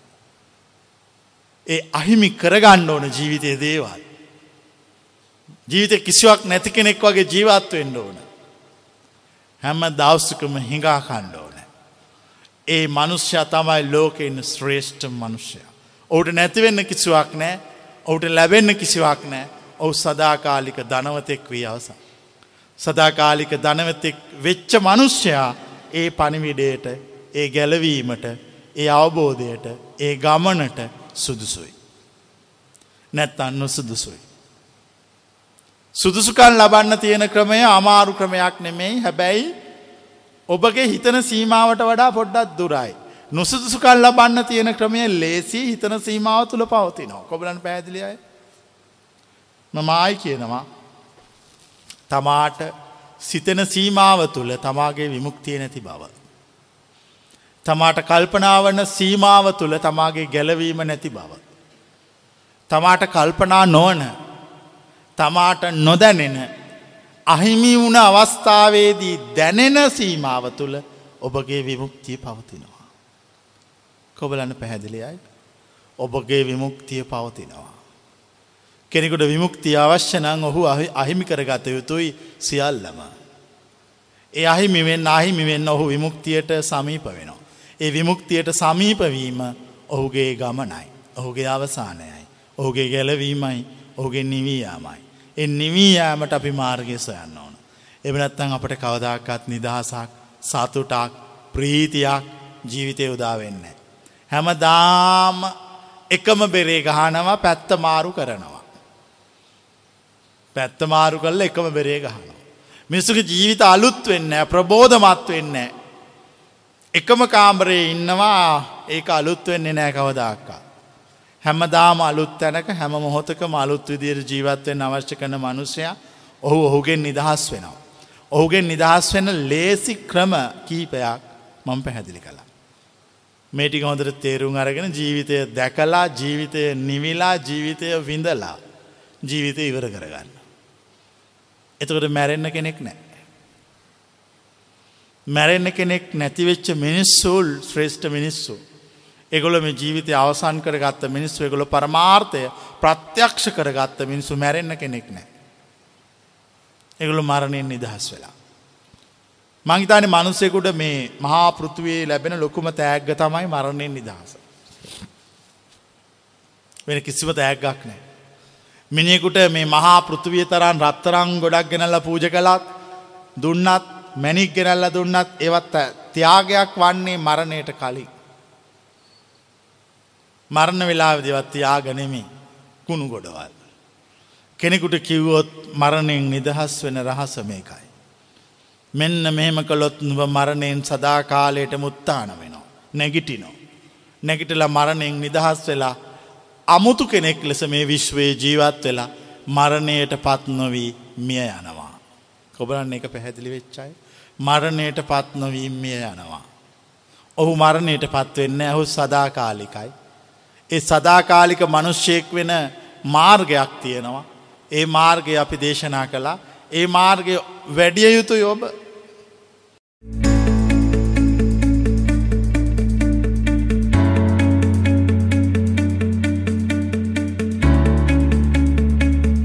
සංගෙන් අවසරයි. අත දේශනාවේ සමන්ස කියවුණා ඔබට කියන්නේ ජීවිතයේ කොහෙ ගියත් කොතැන හිටියත් Tamanට අකටයුතුකමක් කරනවා නම් කියන්නේ Tamanට ඊර්ෂ්‍යාකාරකම් කරනවා නම් කව හරි කෙනෙක් Tamanගේ නෑදෑයෝ හිත මිත්‍රාදී ඕනම කෙනෙක් ඔවුන් තමයි ජීවිතේට ගොඩක් පාඩම් කියලා දෙන්නේ අපිට. ඒ වගේ මගේ ජීවිතේත් ගොඩක් දේවල් එහෙම තියෙනවා. දැන් මම මෙතනට එන්න මට ගොඩක්ම උදව් වුණේ මගේ මට මට ගිහි කාලේ මං හිතන් හිටියේ ඒගොල්ලෝ තමයි මගේ හතුරෝ කියලා. මට පුළුවන් තරම් වෛරකම් කරා කෙනෙහිලිකම් ඊර්ෂ්‍යාකාරකම් මොන හරි දෙයක් කරන්න ගියත් ඒකට හරස් කපලා. එයාගොල්ලෝ ඉන්නකොට ඒගොල්ලෝ හිතනවා ඒගොල්ලෝ සමාජ ජීවත් වෙනකොට ඒගොල්ලන්ට හැමෝටම ගෞරව කරන්න ඕන ආදරය කරන්න ඕන සෙනෙහස දක්වන්න ඕන. එහෙම සමාජයක් තමයි අපට ඕන කියලා එම හිතනවා. ඊට පස්සේ ඇත්ත සමාජයට ගිහිල්ලා බැලුවා මේකේ නොයෙකුත් තරාතිරම අය ඉන්නවා. එතකොට ඒගොල්ලෝ දොස් කියනවා නිඳා කරනවා අපහාස කරනවා බයිනවා ඒවට ලක් වෙනවා. එතකොට අර අර හිතන් ආපු එක එතන නැති නිසා මානසිකව කඩම් වැටෙනවා. මම මෙහෙම කරනවා. මං අරකේ ඇත්ත මේක දැනගෙන මම කිසි ගාණක් නැතුව යනවා. ඔව් ඒ කියන්නේ සස ඒ වගේ මානසික වැටලා ඉන්න අවස්ථාව තමයි ඔබ වහන්සේ දේශනා වුනේ. ඉතින් ඒ එතකොට මට කාලයක් එක්ක මට තේරුණා ඇත්තටම මගේ අම්මා තාත්තවත් මගේ මට යාග හිටපු යාළුවෝ කියන්නේ ගොඩක් මට හොඳ කරපු අයට වඩා මම අද වුණත් මට ඒගොල්ලෝ මට මේ කරපු දේවල් මතක් වෙනකොට මට දැන් සතුටේ ඇත්තටම ඒගොල්ලෝ ඒ දේවල් කරපු නිසා මම අද මෙතනට ඇවිල්ලා මම යමක් ඇත්තක් හොයාගත්ත. ඇත්ත ගැන තේරුම් ගත්තා මේ මගේ මගේ වරදක් කියලා තියෙන්නේ මෙච්චර කාලයක් කියලා. ඇත්තටම තියෙන්නේ මගේ වරදක් තමයි. මම කාගේවත් වරදක් කොහෙවත් නැහැ. මගේ වරද මම සාධාරණීකරණය කරනවා. එක එක තැන් වලින් එකට උත්තර ඉල්ලනවා, යුක්තිය ඉල්ලනවා. මම හැමෝගෙම යුක්තිය ඉල්ලනවා. මට යුක්තිය අනවශ්‍ය වෙලාවට මම අවබෝධයටපත් වෙලා. මට යුක්තිය අවශ්‍ය නැහැ. මට අවශ්‍ය යුක්තිය තමයි යුක්තියෙන් අයින් වෙන එක. යුක්තියෙන් අයින් වෙනවා. මොකද මේක ඉවර කරන්න බැරි නිසා. තව අදහස් තව දැසවන්ස දැන් අභාසිකවා අද දේශනාවේදී දැන් කෙනෙක්ව මරණයට නියම කරලා තියෙන්නේ. ඔහුව ඒක මරණ මංචයට එතන අරන් ගිහිල්ලා එතන මේ බෙල්ලට බැල දාලා අන්තිම මොහොතේ කියනවා ඔබ මරණයෙන් නිදහස් කියලා. ඇත්තට මේක මට දැන ඒ වෙලාවේ ගොඩක් තේරුණ දෙයක් තමයි දැන් අපි දැන් උපවාස නිතරම කියන තමයි මරණයට ලෑස්ති වෙන්න කියලා. දැන් අපි මේ ජීවත් වෙලා ඉන්නකම් අපි නිතරම ඊළඟට කරන්න දෙයක් තව දෙයක් කීකේ හිත හිත හිත හිත හිත ඒක ඒක කර කර ඉන්නවා. ඇතරම ඒගොල්ලෝ මරණේ කල් දානවා. මිනිස්සු වැඩ කර කර කරන්නේ මරණේ කල් දාන එක. ඒ මරණේ කල් දාන මිනිස්සු මිනිස් ඒගොල්ලෝ නොදන්න වෙලාවක මැරෙනවා. මරණේ කල් දාන්න නැතුව හැමතිස්සෙම පිළිගත්ත කෙනා මරණය තුල ඉන්නවා.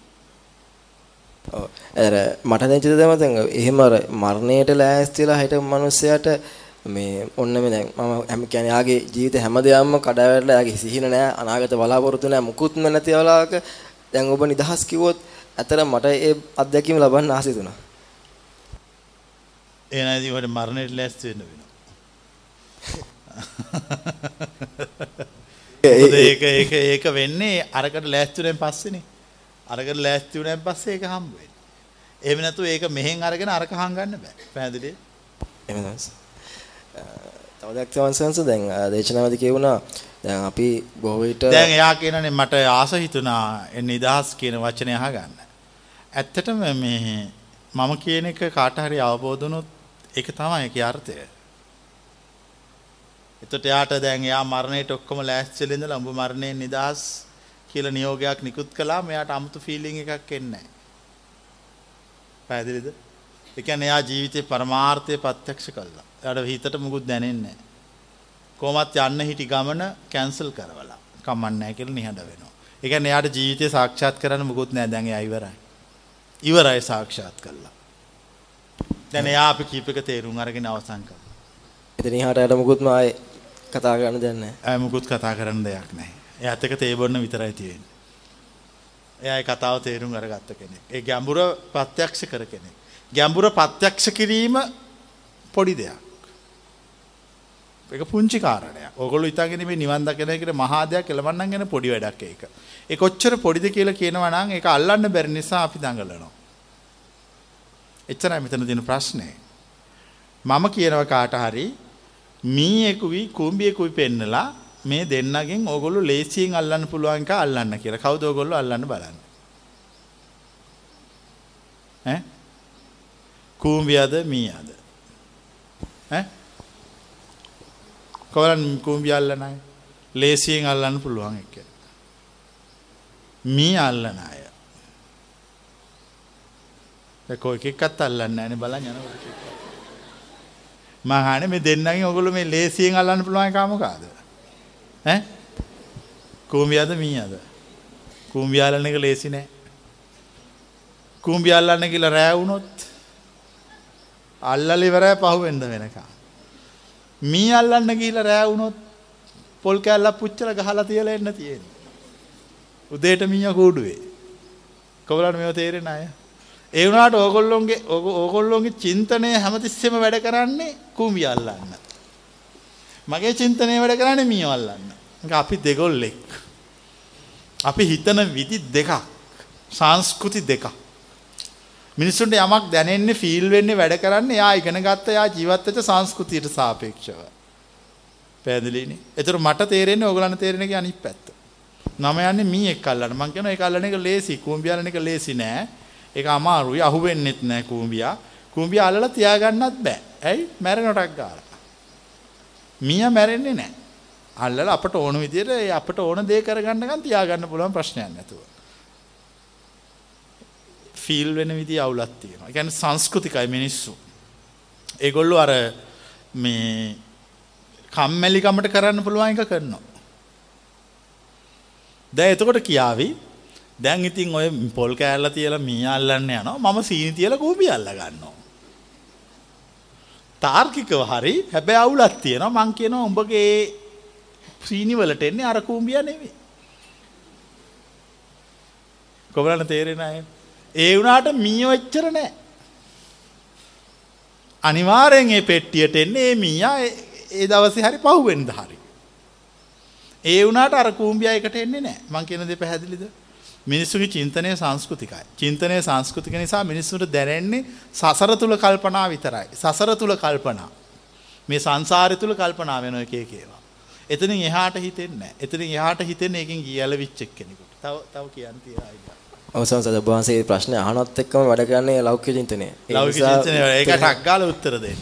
එතකොට ඒක ප්‍රත්‍යක්ෂ කරපු කට්ටිය අනිත් පැත්ත කියනවා. දැන් ඔන්න මේගොල්ලෝ කල්පනා කරන හරි අනිත් පැත්ත කියන්න ඕන. හිටහම් මම කොයි වෙලාවක හරි අනිත් පැත්ත කියන්නේ. ප්ලෑන් කළා අනිත් පැත්ත කියනවා. ඒ කියන්නේ කලින් කියපු පැත්තමයි. ප්‍රත්‍යක්ෂය නැති කෙනෙකුට ප්‍රත්‍යක්ෂය නැති කෙනෙකුට දේශනාව පවත්වන්න බෑ. අහලා කියන්න පුළුවන් එච්චරයි. ප්‍රත්‍යක්ෂය තියෙනම් විතරයි ඒ කතාව කියන්න පුළුවන්. අහලා හොඳට කල්පනා කරලා මතක තියාගෙන ඒව කියන්න පුළුවන්. හැබැයි අහපු නැති ඒවා කියන්න බෑ. කිව්ව ගමන් අවුල් වෙනවා. දැන් වහන්ස අපි දැන් ප්ලෑන් කරලා උත්තර දෙන්න හැදුවොත් ඊට එහා වෙන දෙයක් තමයි අහන්නේ. අනිවාර්යෙන් අහලා අවුල් කරලා දානවා. එයාට හිතන්න පුළුවන් තැනින් එහාට මං කල්පනා කරනවා. එයා හිතන තැනින් එහාට මම හිතනවා. එතකොට එයාට මෙහ පැත්තෙන් අපි ඉන්නවා. තව තව තියෙනව අදහස් කියන්න. ඔව්. තව සංස දැන් අපි වංශ දේශනා කිව්වා අර ජීවිතේ දුක ඒ කියන්නේ ගින්දර. ගින්දර නිවන්න අපි බොහොම කැමතියි. අපි හිතේ ප්‍රශ්න තියෙනවා යම. නමුත් අපි අර සාපේක්ෂ වශයෙන් දුක නිවාගත්තට පස්සේ ඒ අපි හිතනවා දැන් දැන් අපිට මට දැන් හිතලා දුකක් දැනෙන්නේ නැහැ මට මොකුත් ප්‍රශ්නයක් නැහැ. නමුත් තාම දන්නේ ඒ ඇතුලේ තව එහෙමම දර ඒ අඟුරු එහෙමම තිරලා තියෙනවා කොවේලේ හරි ආයේ ගින්න හට ගන්න පුළුවන්. නමුත් ඒ ගින්න හට ගන්නකොට අපිට මේ මාර්ගයනායට ගොඩක් ප්‍රශ්නයක් තමයි එකපාර කඩා වැටෙනවා. ඇයි මට මේ මොකද්ද මේ වුනේ කියලා. දැන් මෙච්චර කාලයක් දැන් සාමාන්‍යයෙන් මේ ප්‍රශ්න සාමාදේශන අහන්න කලින් හිතේ දුක තිබුණා. සාමාන්‍යදේශන අහුවන් පස්සේ සාපේක්ෂව හිතේ දුක නිමුණාම අපි තීරණය කරගත්තා මේක තමයි උන්වහන්සේ කියන්නේ. නමුත් කාලයක් එක්ක කිව්වේ නෑ. ඒ ඒගොල්ලෝ මම කිව්වා කියලා හිතාගත්තා. ඒගොල්ලෝ වැරදි. මං කිව්වේ එහෙම එකක් නෙමෙයි.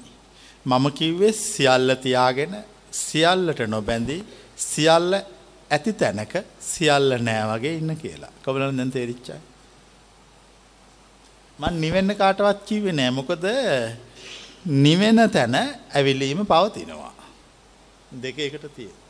මං කිව්වේ සියල්ල තියාගෙන සියල්ලට නොබැඳී සියල්ල එක්ක පවතින්න කියලා. එච්චරයි. ඒ හිතේ ඔක්කොම තියෙනවා. හිත සුද්ධ කරන්න මං කාටවත් කිව්වෙත් නෑ. මං කිව්වේ හිතේ ඔක්කොම තියාගන්න ඒ වයින් tamunට ඇති වෙන බලපෑමෙන් නිදහස් වන්න. කොබලන්න ඒ තේරෙන අය බලපෑමෙන් නිදහස්. ඒ කියන්නේ tamunට වෙන ප්‍රශ්නෙන් නිදහස්. ඔක්කොම තියෙනවා. මේ ඔක්කොම තිබිච්ච දේ. මම මොකටද මේ සුද්ධ කරන්න බැරි හිතත් සුද්ධ කරන්න දඟලන්නේ. මං හිතේ ඔක්කොම කුණු ටික තියාගෙන ඒ කුණු වලින් මට වෙන බලපෑම අයින් කරලා ඒකෙන් නිදහස් වෙනවා. ඒතර මං කෙලෙස් නැති කරේ නෑ. මට කෙලෙස් නිසා ඇති වෙන බලපෑමෙන් නිදහස් වුණා. කොබලන දැන් පැහැදිලි අය. ඒක තමයි මං කියන පණිවිඩය. මට වෙන බලපෑමෙන් මං අයින් වුණා. මගේ ඇතුලේ ඔක්කොම වැඩ කරන බව මට තේරෙනවා. නමුත් වැඩ කළා කියලා මට ඒක ඉෂුව එකක් ප්‍රශ්නයක් නෙමෙයි. අසසම් දැන් අපි එහෙම හිතලා අර මේ ලෞකික චින්තනයනේ ඒකත් එහෙම තියාගෙන අපි ඉන්නකොට දැන් කාලයක් එක්ක දැන් අපිට වෙන්නේ දැන් මේ දේශනාවද අපි නිතරම කියවෙන දේ තමයි දැන් අපි සාමාන්‍ය ලෞකික විදිය නම් අපි යමක් කරාම ඒකට ප්‍රතිඵලයක් හම්බෙලා දැන් හිතේ දුක නිවෙන එක තමයි හරි කියලා අපි හිතන්නේ. නමුත් ඇත්තටම වෙන්නේ ඒක අනිත් පැත්ත. අපිට කියන්නේ අපි හිත තියා බලාගෙන අපේ හිතේ ප්‍රශ්න දේවල් තේරුම් ගන්න හදනකොට අපේ හිතේ තියෙන ගොඩාක් දුර්වලකම් ගොඩාක් වැරදි තැන් අපි කරපු ඒ වගේම අපේ අඩුපාඩු හැම දෙයක්ම ඉස්මතු වෙලා පේන්න ගන්න. ඒක තමයි ඒ විදිය. මට තේරෙන්නේ. ඒක තමයි පිරිසිදු වෙන විදිය. මගේ අඩුපාඩු ටික දැන් ওই අඩුපාඩු ටික මල් ළඟ තිබ්බ කලිනුත්. නමුත් මට ඒක දකින්න ඇස් තිබුණේ නැහැ. මං ඒ කාලේ අන්ධ වෙලා හිටියේ මෝඩෙක් වගේ. මට පස්සේ ඇස් පෑදුනා. මගේ අන්ධභාවය සුවපත් වුණා. ඒ සුවපත් වෙච්ච දවස් ඉඳලා මගේ කුණු මට පේන්න ගත්තා. මගේ කුණු මට පේරුණා මං ඒව දිහා දිගටම බලන් හිටියා. ඒවට කලබල වුණෙත් නැහැ. ඒව ප්‍රතික්ෂේප කළෙත් නැහැ.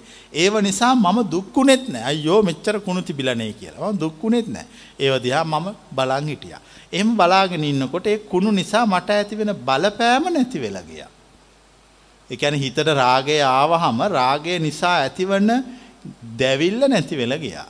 හිතට තරහ ආවම තරහ නිසා ඇතිවන දැවිල්ල දැන් මට නැහැ. මගේ හිතේ මේ ඔක්කොම සිතුවිලි තියෙනවා. කොබලන දැන් හිත තේරෙන අය? දැන් මම ඔබෙන් ප්‍රශ්නයක් අහනවා. ඇත්තටම හිත වඩාත් අපිරිසිදු රහතෙකුගේද නොරහතෙකුගේද? මට උත්තර. රහතෙක්. නොරහතෙක්ගේ. දැන් ඔය අර අර මුලින් මං කිව්වනේ. ඇයි යකෝ සිත රහතෙකුගේ අපිරිසිදු නම් ඌට රහතෙක් කියනවයි. අර කලින් සිද්ධ සිද්ධ ඒක තමයි කිව්වේ. දැන් ඒක මතක තියාගත්තා. මේ මිනිස්සුන්ව වරදින තැන. අරක මතක තියාගත්තා. දැන් මෙයා කල්පනා කරලා දෙන්න ඕන කොයි වෙලාවක හරි උත්තරයක් අනිත් පැත්තට කියලා. ඊට පස්සේ උත්තරේ වැරදි. ඒ උත්තරේ වැරදි වෙන්නේ පොඩි කාරණයක් නිසා. රහතෙක් කියනමයි සිත අපිරිසිදුනා.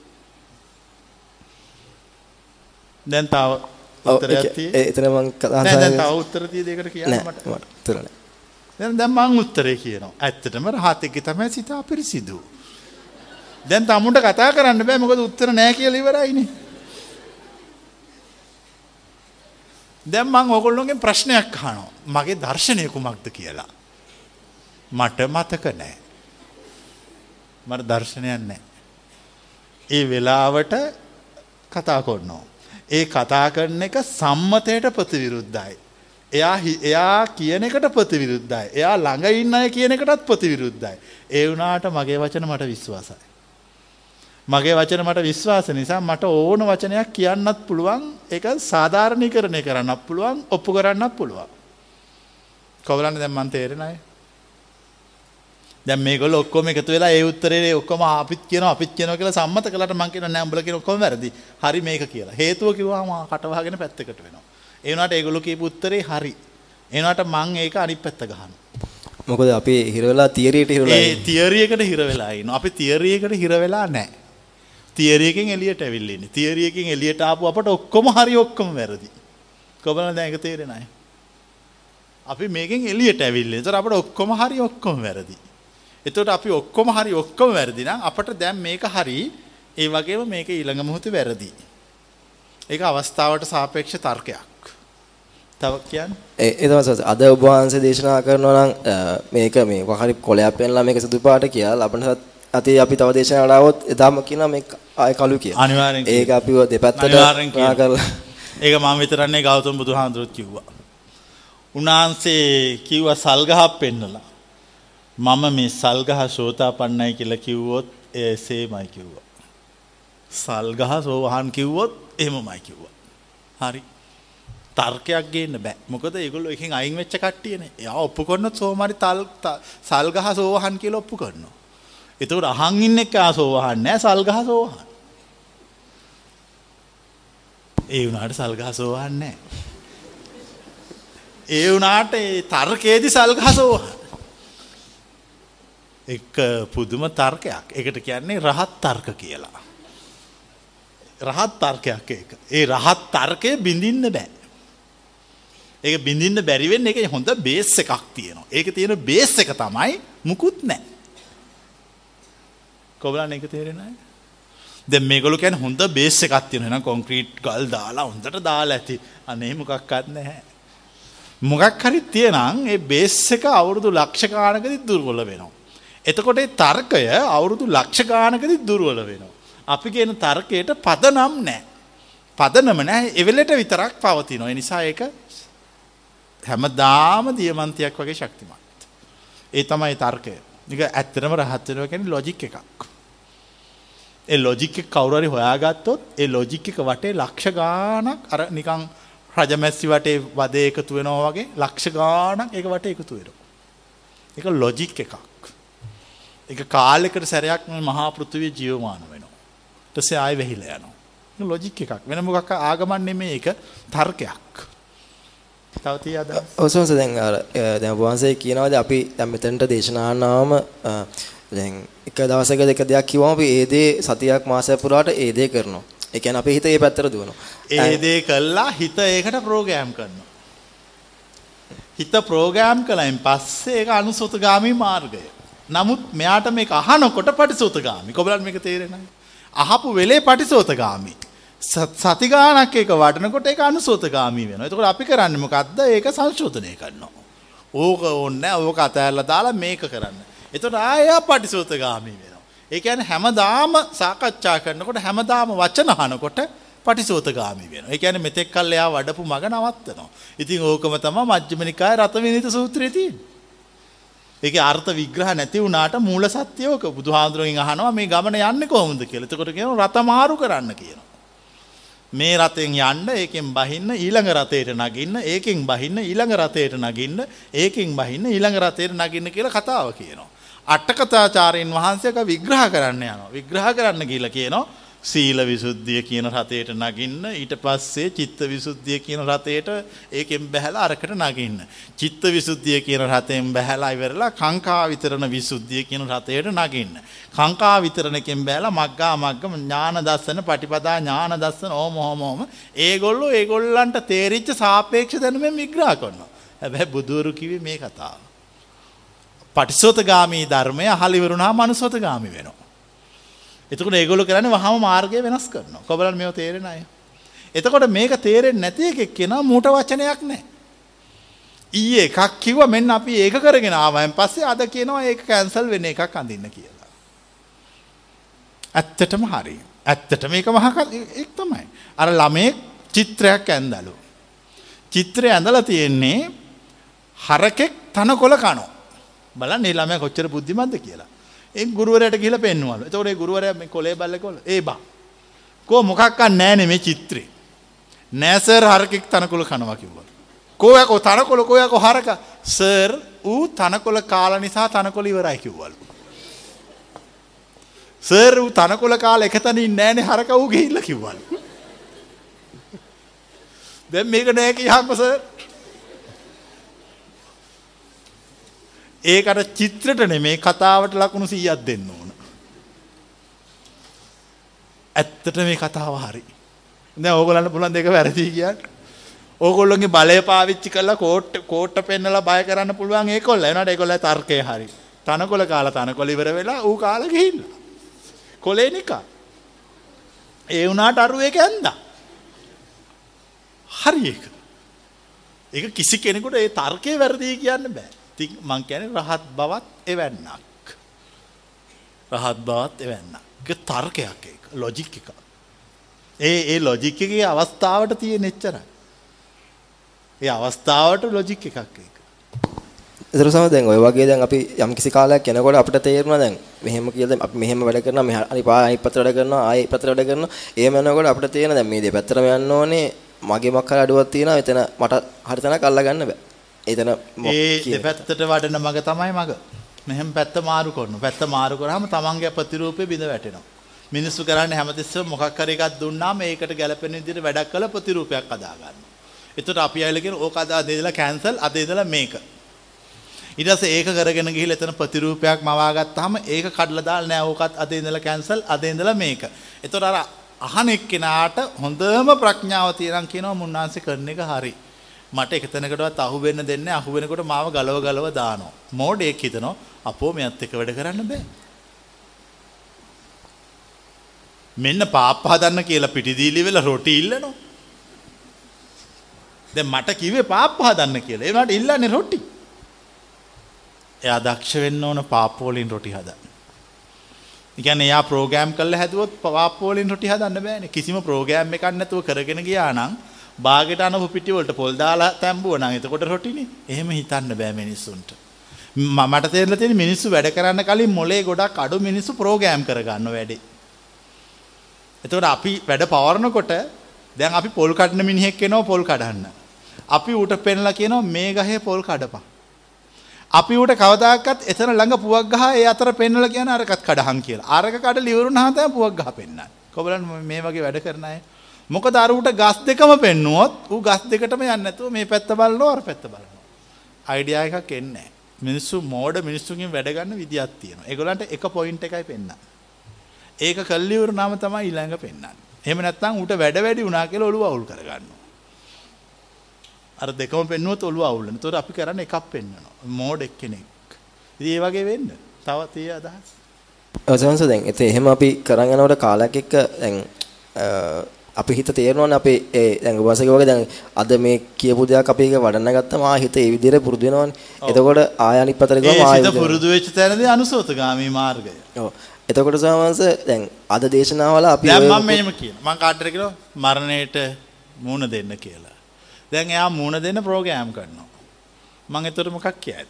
මම කියනවා මූණ දෙන්න එපා කියලා. මෙහෙම මාරු කරනවා.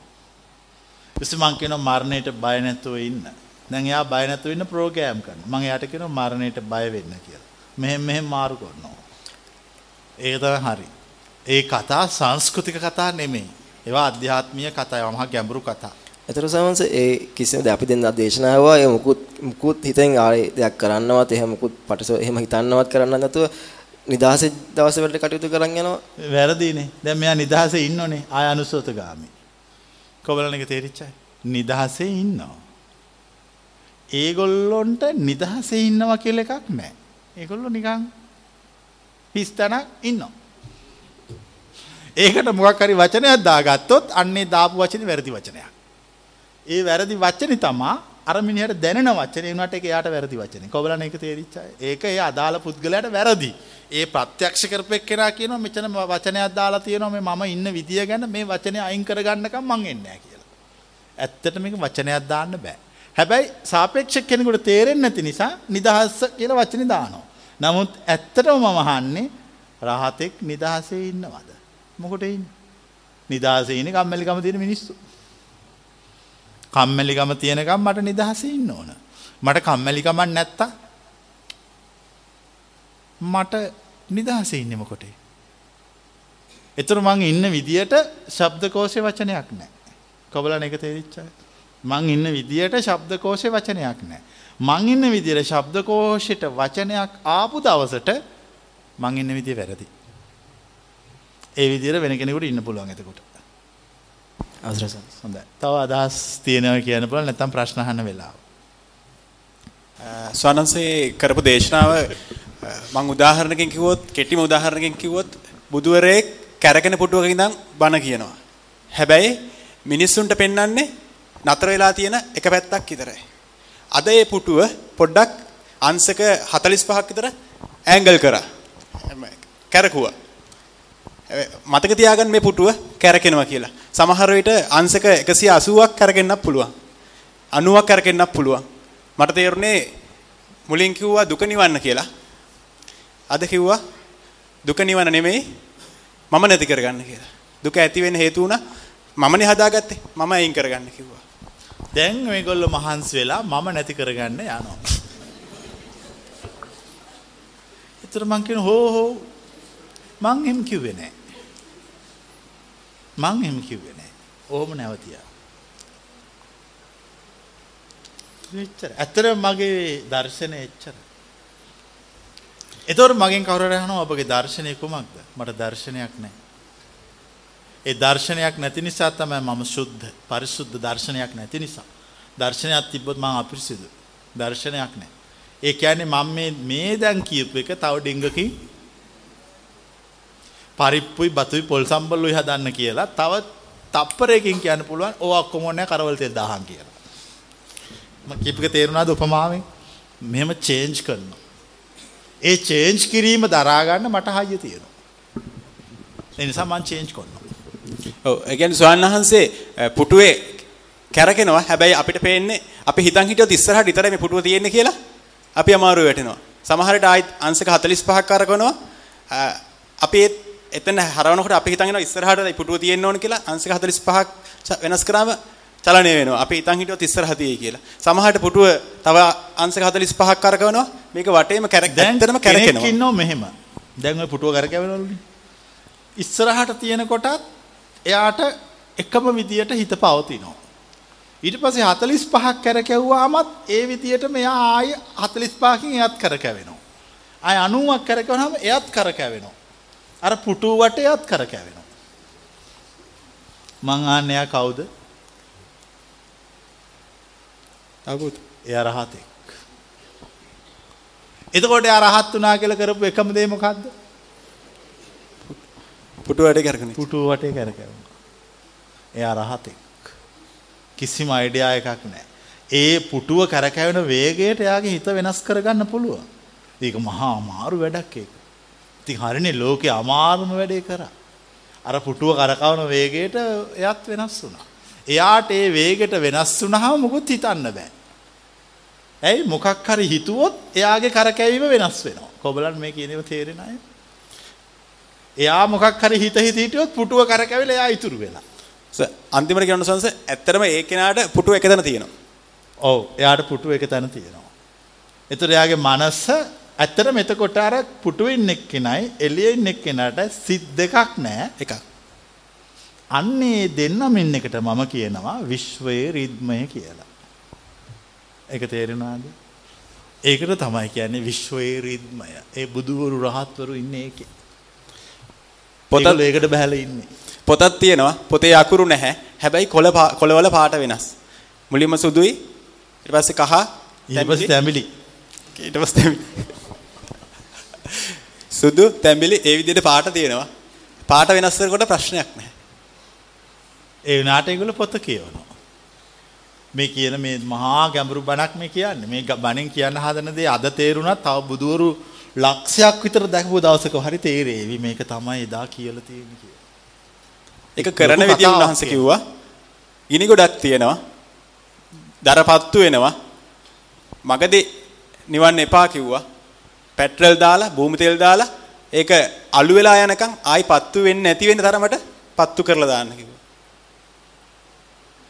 මගදී නිවාගත්තොත් මේක අහලා මගදී නිවාගත්තොත්, ඒ කියන්නේ වහගත්තොත් ආයි පත්තු වෙන්න පුළුවන් කොයි හරි වෙලාවක. සම්පූර්ණයෙන් තව ටිකක් වැඩි තව ටිකක් වැඩි කරලා පෙට්‍රල් ටිකක් දාගෙන ගිනි තියාගත්තොත් ඇත්තට මේ පත්තු වෙනවටත් වඩා පෙට්‍රල් දාන්න ඕන. ඒ කියන්නේ ඒක පත්තු කරන්න අවශ්‍ය ලීටර් 5 නම් 25ක් විතර දැම්මට ප්‍රශ්නයක් නැහැ. ඒ හයිය තියෙන්න ඕන. ඒ කියන්නේ කොහොමත් ගින්න පොඩ්ඩක් වැඩි උනායි කියලා අඩුවන්න මග නවතින්න බෑ. මග නවතින්න බෑ. ඒ ඥානවන්ත වෙන්න ඕන. ඒ මග වඩන්නේ එහෙමයි. නැත්නම් මග වැඩිලා ඉවර වෙන්නේ නැහැ. ඒ මග වැඩිලා ඉවර වෙන්න කෙනා ඒක හරියටම දන්නවා ඒ කරන විදිය. නැත්නම් මග එයා පුද්ගලයා ඉතුරු වෙනවා. දැන් ඔය සූත්‍ර පිටකයේ තියෙන චන්න තෙරුන් වහන්සේගේ කතාවේ චන්න තෙරුන් වහන්සේට නිවන වරදින්නේ ඔය කෑලි වල ඉන්නේ වරදින්නේ. චන්න තෙරුන් වහන්සේ හිතනෝනේ ලෝකය නෑ මම ඉන්නවා. එතකොට තින්නේ ආනන්ද වහන්සේට ගිහලා කිව්වහම එයා විශ්වයේ කඩාගෙන වැටෙනවා වගේ දැනුණා කියලා පල්ලෙහාට. මම ඉන්නෝ ලෝකේ නෑ. දැන් අපි කිව්වේ මොකද්ද අද මම මම නැති වෙන්න ඉඩ තියෙනවා. ඔව්. මේ දෙක සමතුලිත කරගෙන යන්න ඕන. ඒ දෙක සමතුලිත වෙන්න ඕන. නැත්නම් ඒක ඒ මාර්ගය අසමතුලිතයි. වඩල ඉවර කරන්න බැරි වෙනවා. මම ඉන්නකොට ලෝකේ නෑ, ලෝකේ තියෙනකොට මම නෑ. දෙකම අසමතුලිතයි. මේ දෙක සමතුලිත වෙන්න ඕන. තව මේකට උදව් කරන පිරිසක් ඉන්නවා. ඒ තමයි අර හැමදාම අපි ළඟින් හිටපු පිරිස නෙමෙයි. අපිට අභියෝග ප්‍රශ්න ඒ ඒ සියල්ල අපිට දෙන කට්ටිය. කියන්නේ අපේ මිත්‍රයෝ නෙමෙයි. අපි සතුරෝයි කියලා හිතාගෙන හිටපු අය. ඒගොල්ලෝ අපිට උදව් කරනවා. සහ ඒ අපිට වෙන අසාධාරණකම් අපි හිතන් ඉන්න අසාධාරණකම් කියලා හිතාගෙන ඉන්න දේවල් අපිට මේකට උදව් කරනවා.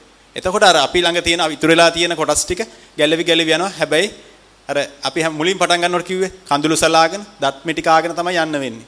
ඒක තමයි මාර්ගය. ඒක එහෙම මේක වෙනස් කරන්න බෑ කාටවත්.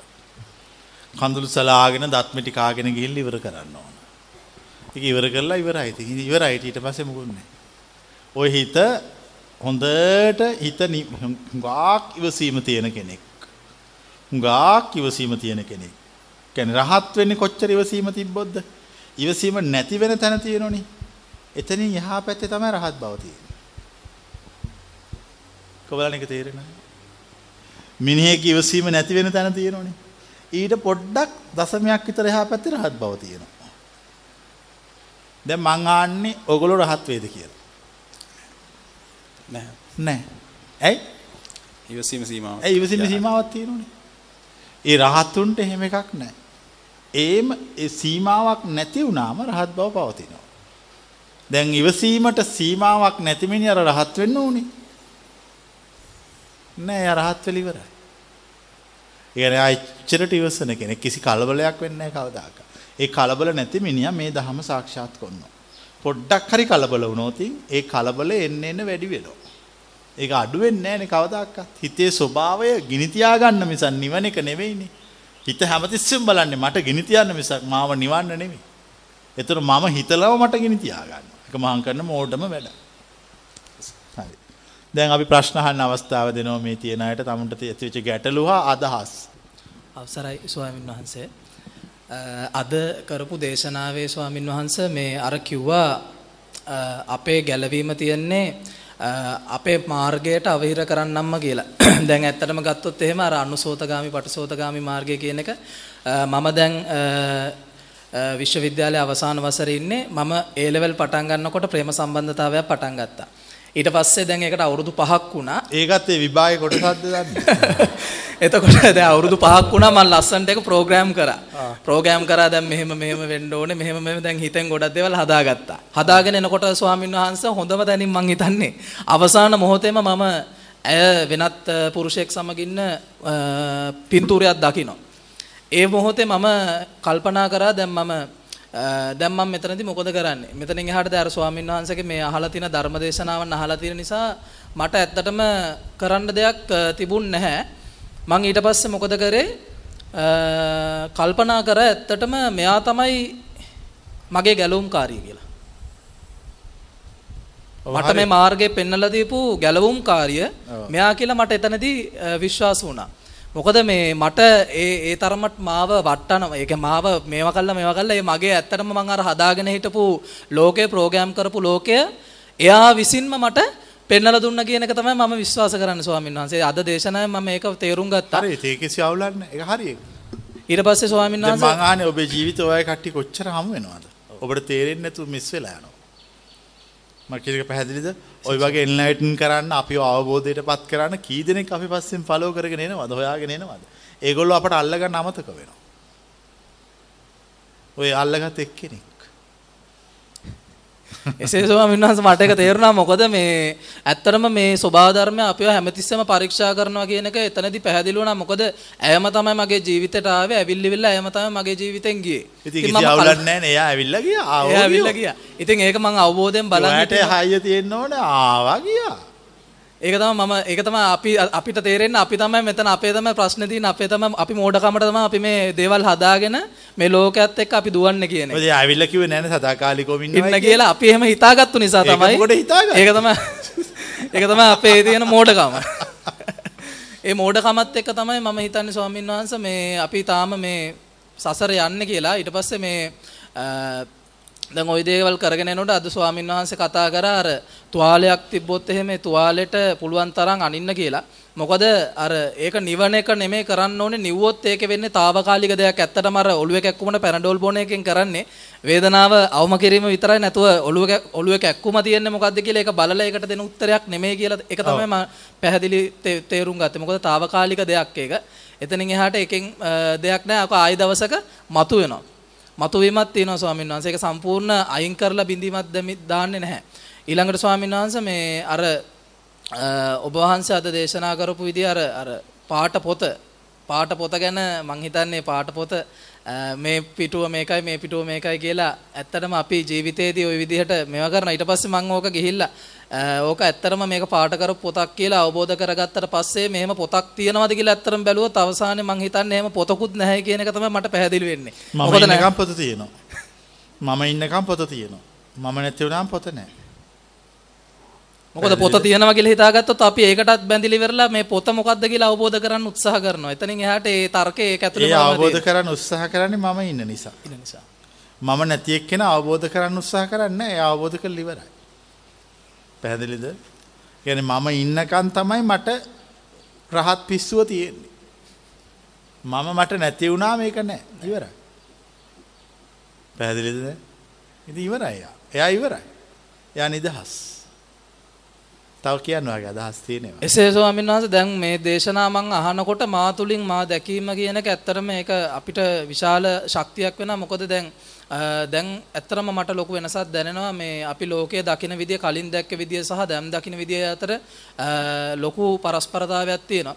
ඇත්තටම මම මේ අ, කරගෙන ඉන්න ගමන් මේ පන්ති අ, ක්ලාස් කර කර ඉන්නවා. ඒ ඉන්න ගමන් මට අ, මුල් කාලේ ඇත්තටම ළමයි පොඩි පොඩි ගණන් වල හිටියේ එන්න එන්න එන්න එන්න අඩු වුණා. ඊට පස්සේ දැන් මේ එක මාසයකදී එකපාරට ළමයි හිටපු ගාන ඩබල් වෙනවා. මම කල්පනා කරනවා ඒ ඩබල් වෙච්ච ගාන මගේ ලෝකය කරගෙන මම ජීවත් වෙනවා. නමුත් මම දන්නවා තව ටික කාලයක් ගියාට පස්සේ හොඳම තැනින් ඕක කඩලා දානවා කියලා. අනිවාර්යෙන්ම.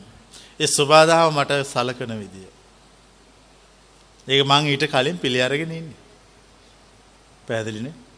ඒක කලින් පිළි අරගෙන හිටියාම මේක කඩලා දාලා ඊටත් වඩා එකක් මාව වෙන තැනකට යවනවා. ඒක තමයි තියෙන රිදම් එක. ඒක මට තේරෙන්න ඕන. කඩලා දැම්ම කියලා සබාදාමට සාප කරන්නේ. පැහැදිලිනේ? කඩලා දාලා මට වැරද්දක් කරනකොට කියනවා මට ආශිර්වාද කරනවා කියලා. ඒ යාව මාව පරීක්ෂා කරනවා. මට ඒක තමයි තේරෙන්නේ කඩලා දැම්මම මූට රිදෙනවද කියලා බලනවා. රිදෙන්නේ නැත්නම් තමයි තව ටිකක් ඉස්සරහට ඇත්තටම යවන්නේ. හැම වෙලාවෙම අපි පරීක්ෂා කරමින් තමයි ඉන්නේ. කියන එක තමයි මට පැහැදිලි වෙන්නේ ස්වාමීන්. අද දේශනාවෙන් ඇත්තටම ඒ වගේ ලොකු ගැඹුරු දෙයක් දැනගත්තා සහ මගේ ජීවිතෙන් මට ගොඩක් තිබිච්ච ප්‍රශ්න දේශනාවෙන් නැති වෙලා ගියා. ප්‍රශ්නයක් ඇත්තටම අවසානයේ අහන්න දෙයක් නැති වෙන තරමටම නැති වෙලා ගියා. ප්‍රශ්න ඇතිලු මොකුත්. ප්‍රශ්නයකුත් නැහැ. තව අදහස් තියෙනවා කියන්න. ඔයාලට තේරිච්ච පොයින්ට්ස් කියන්න. එතකොට මේ අනික් කට්ටියට වැදගත් ඒවා. ඒගොල්ලන්ට තේරුම් ගන්න. ඒකයි කියන්න. තවතියේ ඔය එතකොට ස්වාමින් වහන්සේ දැන් අපි හිතන්නේ දැන් අපි හැමතිස්සෙම උත්සාහ කරනවානේ මේම කෙනෙක්ව මවාගෙන ඒ ඒ පුද්ගලයාව ජීවත් කරන හැමතිස්සෙම අපි අපිට අපේ අපේ පෞරුෂයට කැමති මිනිස්සුන්ට තමයි අපි ඒගොල්ලෝ හොඳයි කියලා විශ්වාස කරන්නේ. නමුත් අර අධ්‍යාපනය ඒක තුළ අපි හදාගත්ත විශ්වාසයක්. පැහැදිලිනේ? ඒක විශ්වාසයක්. ඒක ඇත්ත නෙමෙයි. අපි විශ්වාස කරන එක. අප- ඔව් මේ- ඔව් ස්වාමීන් වහන්සේ අපි ඒක විශ්වාස කරනවා නමුත් අපිට ටික කාලයක් යද්දි තමයි තේරෙන්නේ මේ දේවල් ඇත්තටම මේ හදාගත්තු දේවල් තුලම තමයි ඒක තමයි අපිව පල්ලෙහාට මැදලා දාපු මාර්ගය කියලා. ස්වාමීන් වහන්සේ එතකොට මේ අපිට වෛර කරන මිනිස්සු තමයි අපිව මේ සමාජයෙන් නිරපණ්ඩ හදන මිනිස්සු නිසා තමයි නිසා තමයි කියලා තමයි මම උත්ස- විශ්වාස කරන්නේ අපි මේ වගේ සත්‍යයක් සොයාගෙන යන්න පෙළඹෙන්නේ කියන එක. අනිවාර්යයෙන්ම. ඒක නිසා තමයි සතසයන් පටන් ගන්නෙ. ඒක ඉතින් කා- කම්පා වෙන කාරණයක් නෙමෙයි ඒක මනස අවදි කරගන්න කාරණයක් කරගන්න ඕන. පැහැදිලිනේ? කවුරු මොන දේ කළත් තමුන්ගේ ශක්තිය අඩු වෙන්න බෑ. ඒක තමුන්ට ආත්ම විශ්වාසය හා හැකියාව තියෙන ඕන දෙයකට මුණ දීමේ හැකියාව.